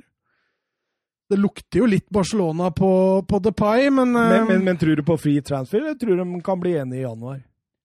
Nei, Barca eier jo ingenting. Jeg, jeg tror ikke Barca Brettwaite andre veien. Ja, det er jo, det er jo bare å sprette flaska med en gang. Men eh, det, det har jeg heller ikke trua på. Så, så jeg tror nok hvis Depay skal til Barca, så er det nok ikke før til sommeren. Deilig, deilig, deilig. Eh, Gigi Vinaldum. Ja, det er samme båten, da, men der så jeg Liverpool var nå i forhandlinger, så jeg tror han blir. Det tror jeg òg, faktisk. Det virka veldig sånn, de siste rapportene. Eh, Sergio Aguero, eh, Aguero. Det er det nyeste ryktet jeg leste nå, var Inter Miami. Og det kan jo, kan jo faktisk stemme. Få litt, eh, få litt penger for å spille i MLS. Heier litt mot slutten. med Stixie Boy! Ja. Men uh, det, enten Juventus eller MLS. Ja. Juventus eller MLS. Ja, MLS. Ja, jeg tror USA, jeg. Mm. Eh, får ikke ny kontrakt av City. Da skal han være svingod ut sesongen, tror jeg, og helt skadefri. Og helt skadefri, det blir jo aldri denne Aguero. Eh, Florian Tova. Å ja, Marseille. Ja, Marseille. Strålende sesong nå. Komme tilbake nå etter en sånn trøblete skadeperiode i sist sesong. Eh, leverer godt nå. Det kan jo godt tenkes han vil seg til en større liga. Ja, der tenker jeg det er ikke sikkert de store Premier League-klubbene sikler etter han. Eh, Så her kan det hende det blir en litt klubb litt under radaren. Eh, Kan hende Sevilla også er god på sånne signeringer. Eller kanskje type Everton eller, Leicester. eller Leicester. Ja. Eh, jeg tror han går. Jeg tror ikke han blir i Marseille, og jeg tror han går til eh, ja, Jeg tipper Leicester. Mm. Aston Villa Leicester. Ja. Det er, det er godt I hvert fall ikke Burnley. Det kan gjøre. Angel Di Maria. Ja, det blir veldig spennende å se hvordan han kommer overens med en ny trener, tenker jeg. Hvis det blir Porcetino, så blir han kasta på døra. Det tror jeg òg. Ja, og hvis han blir kasta på dør det er Gammel er han nå? 33? 34? 32 32. Er han ikke? Han ikke? Ja, 32, ja. Det Lukter jo et lite klubb, klubbbytte der. Han er jo ikke helt ferdig, så, så det kan hende det blir en uh... Juventus. Ja, Juventus-overgang, utvilsomt. Det blir i hvert fall ikke England, si. Nei, jeg tror han er ferdig med England. Så det kan fort bli Spania. Hvis det blir Spania Nei, han er ikke atlet. Var det ikke kona hans som sa at Manchester ligna på baksiden på et kjøleskap? da?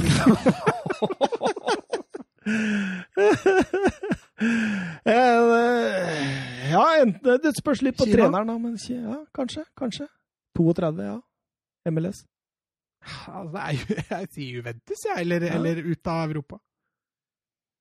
Jeg tror liksom Jeg ser liksom ingen Det kan klubber- fort bli en sånn ettårs-, toårskontrakt også, hvis han er villig til det sjøl. Altså, dette blir jo den siste kontrakten hans. ikke sant? Mm. Den siste kontrakten hans pleier å Det er veldig mange spillere som takker nei til en sånn korttidskontrakt. Det har jo vært litt sånn Sergio Ramos-problemet. Ja, Diego Godin mm.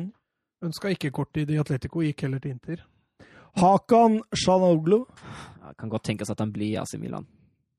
Ja, det, det verserer store rykter om dette, og nå at han eh, skriver under, og at Pioli er helt sikker på at han skriver under en ny avtale. Mm.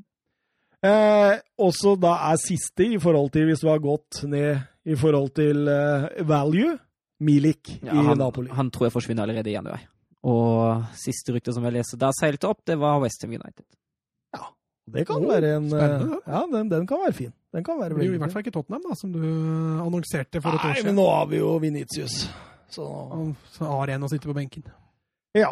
Eh, Jørn Henland på Twitter. Eh, kan dere sette opp en elver med spillere som har draktnummer 1 til 11 i Premier League, i formasjonen 4-4-2, og som må spille i sin naturlige posisjon? Det er lov med flere spillere fra samme klubb. Den var gøy! Det, det er skikkelig gøy! Da må man jo tenke på litt, uh, litt forskjellige ting. Kan ikke bare ta den beste ene, den beste to, den beste treeren osv. Du må jo tenke og sette de i riktig posisjon nå. Jeg, jeg kosa meg Ja, jeg glugg i hjel med akkurat den der. der. Jeg syns den var fin. Den er nesten sånn at vi kan gjøre i andre klubber òg. Eller andre ligaer. Ja. For den, den var eh, veldig morsom, og du fikk noen dilemmaer og Nei, det, det var gøy. Det ble litt matte òg. Ja. Fader, nå er jeg to elvere. Det går ikke. Eh, da kan vi jo begynne med keepere, da, med nummer én på trøya. Og der, der var det jo noen store, Søren. Det var det. Og var det jo blant annet noen som var falt ut. For eksempel Ederson. Han har jo 31, så han fikk ikke være med i vurderinga pga. feil draktnummer. Kjipt for ham. Eh, jeg, jeg klarte å, å snevre det ned til sånn fire. Uh, Schmeichel, Alison, Digea og Joris, og endte til slutt på Alison. Hvor kult hadde det ikke vært om vi hadde tatt Rui Patricio? elveren? Brukt opp elveren der. Da hadde du fått et dilemma seinere. Ja, det spørs om de som eh, liker Mohammed Salah, hadde blitt så glad, glad i oss, da. Finner, finner du en ener som var utespiller, da? Ja, det er jo det som blir utfordringen. Hva er det? Han Magnus Kilstedt, han gamle Han Lillestrøm-keeperen. hadde to, hadde han ikke? han. Mm. Stemmer det. stemmer det. Eller Jens Lehmann spilte for landslaget med nia en gang. Ja, stemmer. stemmer. Eh, men er du uenig, eller, Mats Alison Becker? Ja, kommer vel ikke utenom han så lenge Ederson eh, er ute av det. De Gea, Joris Det er i nærheten, da, men. Ja, det er det. Ederson, det var egentlig dårlig sammenligning. jeg ville faktisk heller hatt Joris, i hvert fall. Kanskje De Gea faller ut, men eh, nei, jeg er enig med Alison. Eh, høyre back, Søren. Ja, da Ja. Der, der er det fire meget gode alternativer. Ja, det er det. Det er Beyerin, det er Lempty, det er Walker, og det er Doherty. Det er de fire jeg Det havna er på. de fire jeg fant òg. Ja, og jeg har nesten litt lyst til å si Lempty. Uh, jeg har det. Jeg, jeg, jeg, er Det er ballsy. ja, jeg er veldig fan av Lempty, uh, men jeg kan godt leve med både Walker, Doherty og Beyerin, og jeg syns det er vanskelig. Kanskje av yeah, Kanskje Walker på, en, uh, på et alternativ der. Lamptey nå, vet du, som blir eh, muligens, ifølge ryktene, Beirins erstatter i Arsenal om Beirin går til Barcelona. Men jeg, jeg, jeg syns jo det er Kyle Walker. jeg. Ja, vi kan godt ta Walker også. Ja, jeg syns det. Jeg bare synes han, jeg synes han har vært så varierende i det siste også. Ja, han har jo det, men Altså, jeg syns jo Beirin tidvis er bedre, men uh, Walker han har liksom kanskje offensivt, men ikke defensivt. ah, Walker gjør mye rart defensivt. Altså. Ja, du mener det? Ja, jeg mener det. Det er Jeg ikke synes lenge siden han det- kløna et straffe der. Jo, at han kan være litt heit på grøten. At han kan være litt heit på grøten innimellom. Han retter opp med farta si, da. Det skal jo sies. Men jeg, jeg forstår det. Jeg kommer jo ikke Må jo bare ta Kyle Walker. Venstrebekk, eh, Søren Døpker. Ja, det begynte jo litt med de, med de nummerproblemene her nå. Med, for jeg har sortert mine etter numre, vet du. Mm. Uh, de to det til slutt sto om, det var Region og Tierney. Uh, Mm. Og jeg havnet, landet til slutt på Tierney. Du gjorde det, ja? Jeg syns Tierney har spilt uh, har, vært uh, den fremragende spilleren i Arsenal den sesongen her, både offensivt og, og defensivt. Jeg syns Tierney har vært, uh, har vært stor. Ja, han har, han har vært god i et dårlig Arsenal-lag, men jeg, jeg syns ikke han er på nivået til, til regionen. Ja, det syns jeg ikke. Jeg syns regionen fortsatt er hakket over. Og at eh, hvordan dette vil utvikle seg fremover, det går an å diskutere, men eh, Nei, altså, jeg er enig med Søren. Jeg Ja. syns han har prestert best. Først og fremst defensivt. Litt samme som Walker, da. Altså, Det er ingen tvil om at Regilon har mest å fare med offensivt. Uh, han har helt klart mye å bidra med der, men, uh, men Tierney er jo kanskje det eneste positive til Arsenal i år. Mm. Mm. Nei, men vi, vi, kan gå for det. Jeg er sterkt uenig, faktisk. Men, og dessuten så spiller han også stopper, stort sett. Så, men er, jeg er med på den. stoppere. Ja, var, nummer fire, det var en uh, det Ja, den var, var, klar. Den var klar. Det var van Dijk, til tross for at alle var reelt Å, ikke Alderweireld? Nei, det var van Dijk. til tross for at reelt uh, ga, ham, ga, ham, litt uh, kamp. og så har jeg gått min sekser av en stopper. Uh, Sto litt mellom et valg da tar jeg nummer fem eller nummer seks, men jeg ender opp med en nummer seks, og da Thiago Silva. Da har du stoppeparet jeg har på min blokk. Jeg veit ikke, Mats. Hvem er femmeren du har dratt opp da? Høybjerg har jeg tatt til, ja, har jeg tatt til sentral midtbane. Ja, det er jeg enig med deg.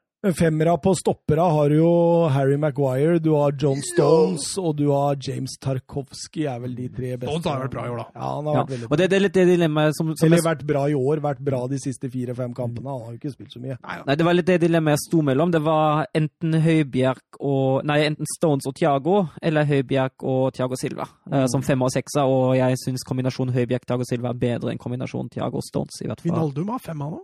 Jo. Ja, han har det. Han har det. Men jeg er helt enig med stoppera, så der får ikke Mats en stemme. Nei, men det er greit, det. Så... Eh, sentral eh, midt, da, må vi, da, da, må vi jo si ha det til Fabinho, siden vi valgte treeren ut på venstrebekken. Ja, og ha det til Thiago, siden vi valgte sekseren. Ja. Og ja, altså som sagt, jeg havna på, på Høibjerg. Vinaldum for all del var en uh, god kandidat. Og på nummer fem, uh, Jorginho kan jo nevnes da òg.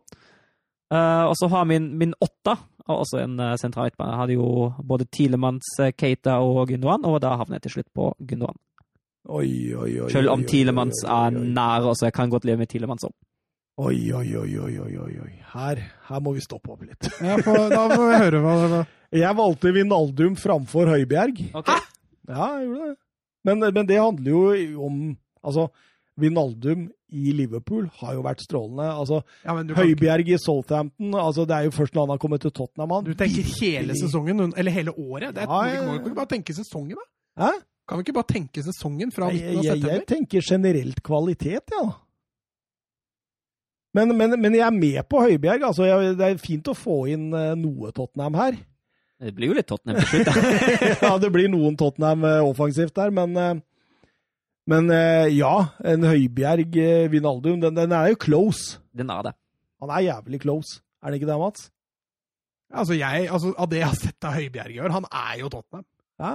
Eh, han bærer jo dette Tottenham-laget defensivt, syns jeg. da.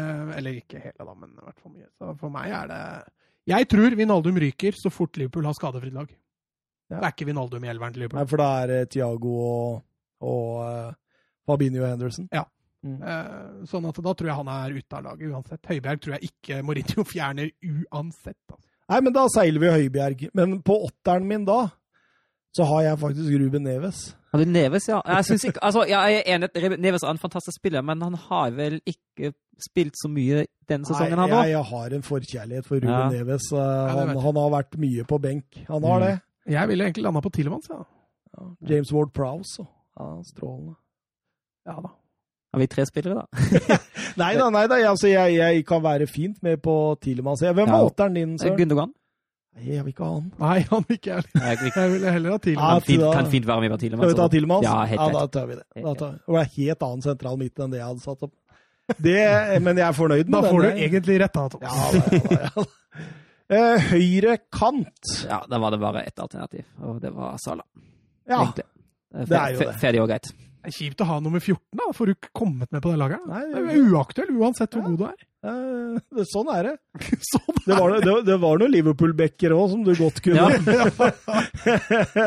flekka inn i det laget der. Og det, sånn som for eksempel siden vi valgte treeren eh, ut på bekken der, så falt jo Ruben Diaz. Og det, det er jo mye ja, sånt. ikke sant? Det, er litt, det, er litt det at du må, du må velge du, altså det, det finnes veldig mange midtbanespillere som har lave nummer, men det finnes veldig få nummeret fra 6 til 11 på backplassen. Eneste jeg fant på Bekk, var Zinchenko. ja, ikke, så, ikke sant? Nei, men Sala har jo den uh, høyre kanten. Man kunne valgt å bruke sjueren i Rikarlison, men uh, sjueren er vel forbeholdt venstrekanten, søren? Det er jeg helt enig i. Og da tenker du selvfølgelig på Høgminsson. Og Ja, han, jeg har satt opp, og litt kjipt å vrake Conté da, må jeg innrømme. Ja, og det er, det er kjipt å vrake Pedro Neto og Raheem Mm. Sterling òg, som er to Stirling er vel det kjipeste å vrake der. Stå, strålende spillere. Eh, men eh, Son, sånn som han har vært, det er jo pure verdensklasse, liksom. Det går ikke an. Ja, faktisk så er han en av to som bærer dette Tottenham-laget.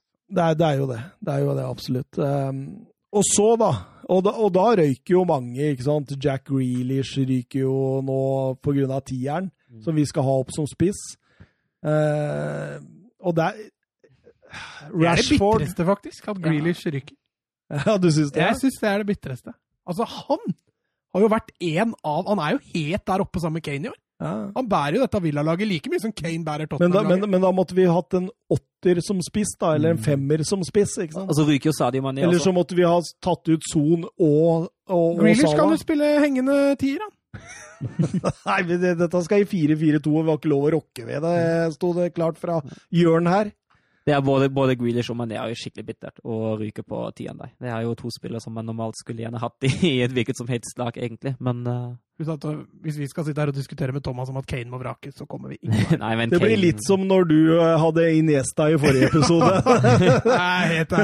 Kane må, Kane må inn. Og det, det, altså, det var greit nok. Kane fikk jeg satt opp ganske tidlig med tanke på det nummerdilemmaet der, men jeg syns det var nesten vanskelig å finne fram til en ny av deg. ja, det var det. For det, det, der var der er mye likt. Ja, uh, altså de tre som jeg havna på til slutt, det var jo Jimenez, Vardy og Calvert Lewin. Uh, akkurat nå havner jeg på Jamie Vardy, men Dominic Calvert Lewin kan jeg også fint leve med. Det er nesten 50-50 mellom de to. Ja, jeg er akkurat på samme som deg, Søren. At jeg valgte Wardy her, Jeg Men- går for Wardy. Men eh, Dominic Calvert-Lewin han er ikke langt bak. Altså. Men Wardy sammen med Kane. Ja, Det kan bli bra, det, altså. ja det Wardy i bakrom, Sony i bakrom og Kane. det er nydelig, nydelig. Altså, Da blei det jo faktisk ganske nydelig lag. Nå, nå blei det veldig annerledes enn det jeg hadde satt opp nå eh, fra starten av, så dere må arrestere meg hvis jeg sier noe feil her nå. Men da har vi Alison Becker i mål. Og så har vi Kyle Walker høyreback. Vi har eh, Kieran Turney eh, venstreback. Vi har eh, Virgil van Dijk eh, stopper, og sammen med van Dijk så har vi Thiago Silva. Mm. Eh, Sentral på midtbanen da så var det Juri Tillemans og Pierre Emil Høibjerg. Det var eh, Mohammed Salah på eh, høyre kant, og det var Hoeng Min Son på venstre kant, og Kane og Wardy på topp. Stemmer. Det er et eh, brukbart lag, det. Habilt, habilt.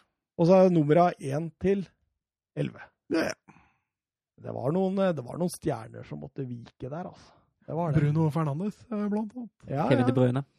Ja, det, Kevin De det, det var nok av, nok av spillere der. Men uh, du kommer ikke inn på dette laget hvis du har nummer 18. Nei, det Selv om, tenk hvis det, altså, vi kunne tatt med De Brøne og Bruno Fernandes. Ho, ho, ho. Det skulle vi gjort, vet du, en gang. Vi skulle satt opp Altså, Det beste Premier League-laget. det beste, ja, det beste Premier League-laget, det beste La Liga-laget, beste Bundesliga-laget og det beste Serie A-laget. Og så kunne vi latt eh, Twitter, så kan vi kjøpe i semifinaler og finaler. Turnering. Ja, det hadde vært litt kult. Det har vært litt kult. Vinneren får en li signert Liverpool-drakt. Vi er eh, Er vi Vi er faktisk eh, til, til veis ende, heter det det? Ja, ved veis ende. Ved veis ende. Det var eh, morsomt. I en Men- liga, hvor lenge holdt du på? 2-17 nå. Ja, deilig det. Ja, men vi hadde, vi hadde lagt opp til noe lag og litt sånn moro her, da. Ja. Så eh, det, det må folk leve med. Det er romjulspod. Vi koser oss. Jeg syns dette gikk bra, Thomas, i forhold til hva du frykta etter ti spørsmål i dag. Ja, jeg glemmer lett. det, er vel det, det som er problemet. Du gikk litt lavt ut her etter den ti spørsmål og sa at dette blir den dårligste episoden jeg noen gang har levert. Ja, jeg, jeg kokte inni meg, vet du. Jeg blir sånn. Jeg syns du klarte deg fint. Du omstilte deg helt nydelig. Ja, prøver. Jeg er profesjonell, vet du. Ja, ja, ja. Ja. Det, var det, det var det du sa, Mats. Profesjonell. det er jo litt som, eh, som eh, når Solskjær og de sliter. De slår alltid tilbake. Ja, de gjør det. Jeg vil gjøre det. Kommer tilbake. Så får vi se om eh, ti spørsmål blir eh, Kommer tilbake! Nei, eh, vi, vi, kan si ha det. Vi bør ikke bruke mer tid. Nei, ha det. Adjø. Ses over nyttår.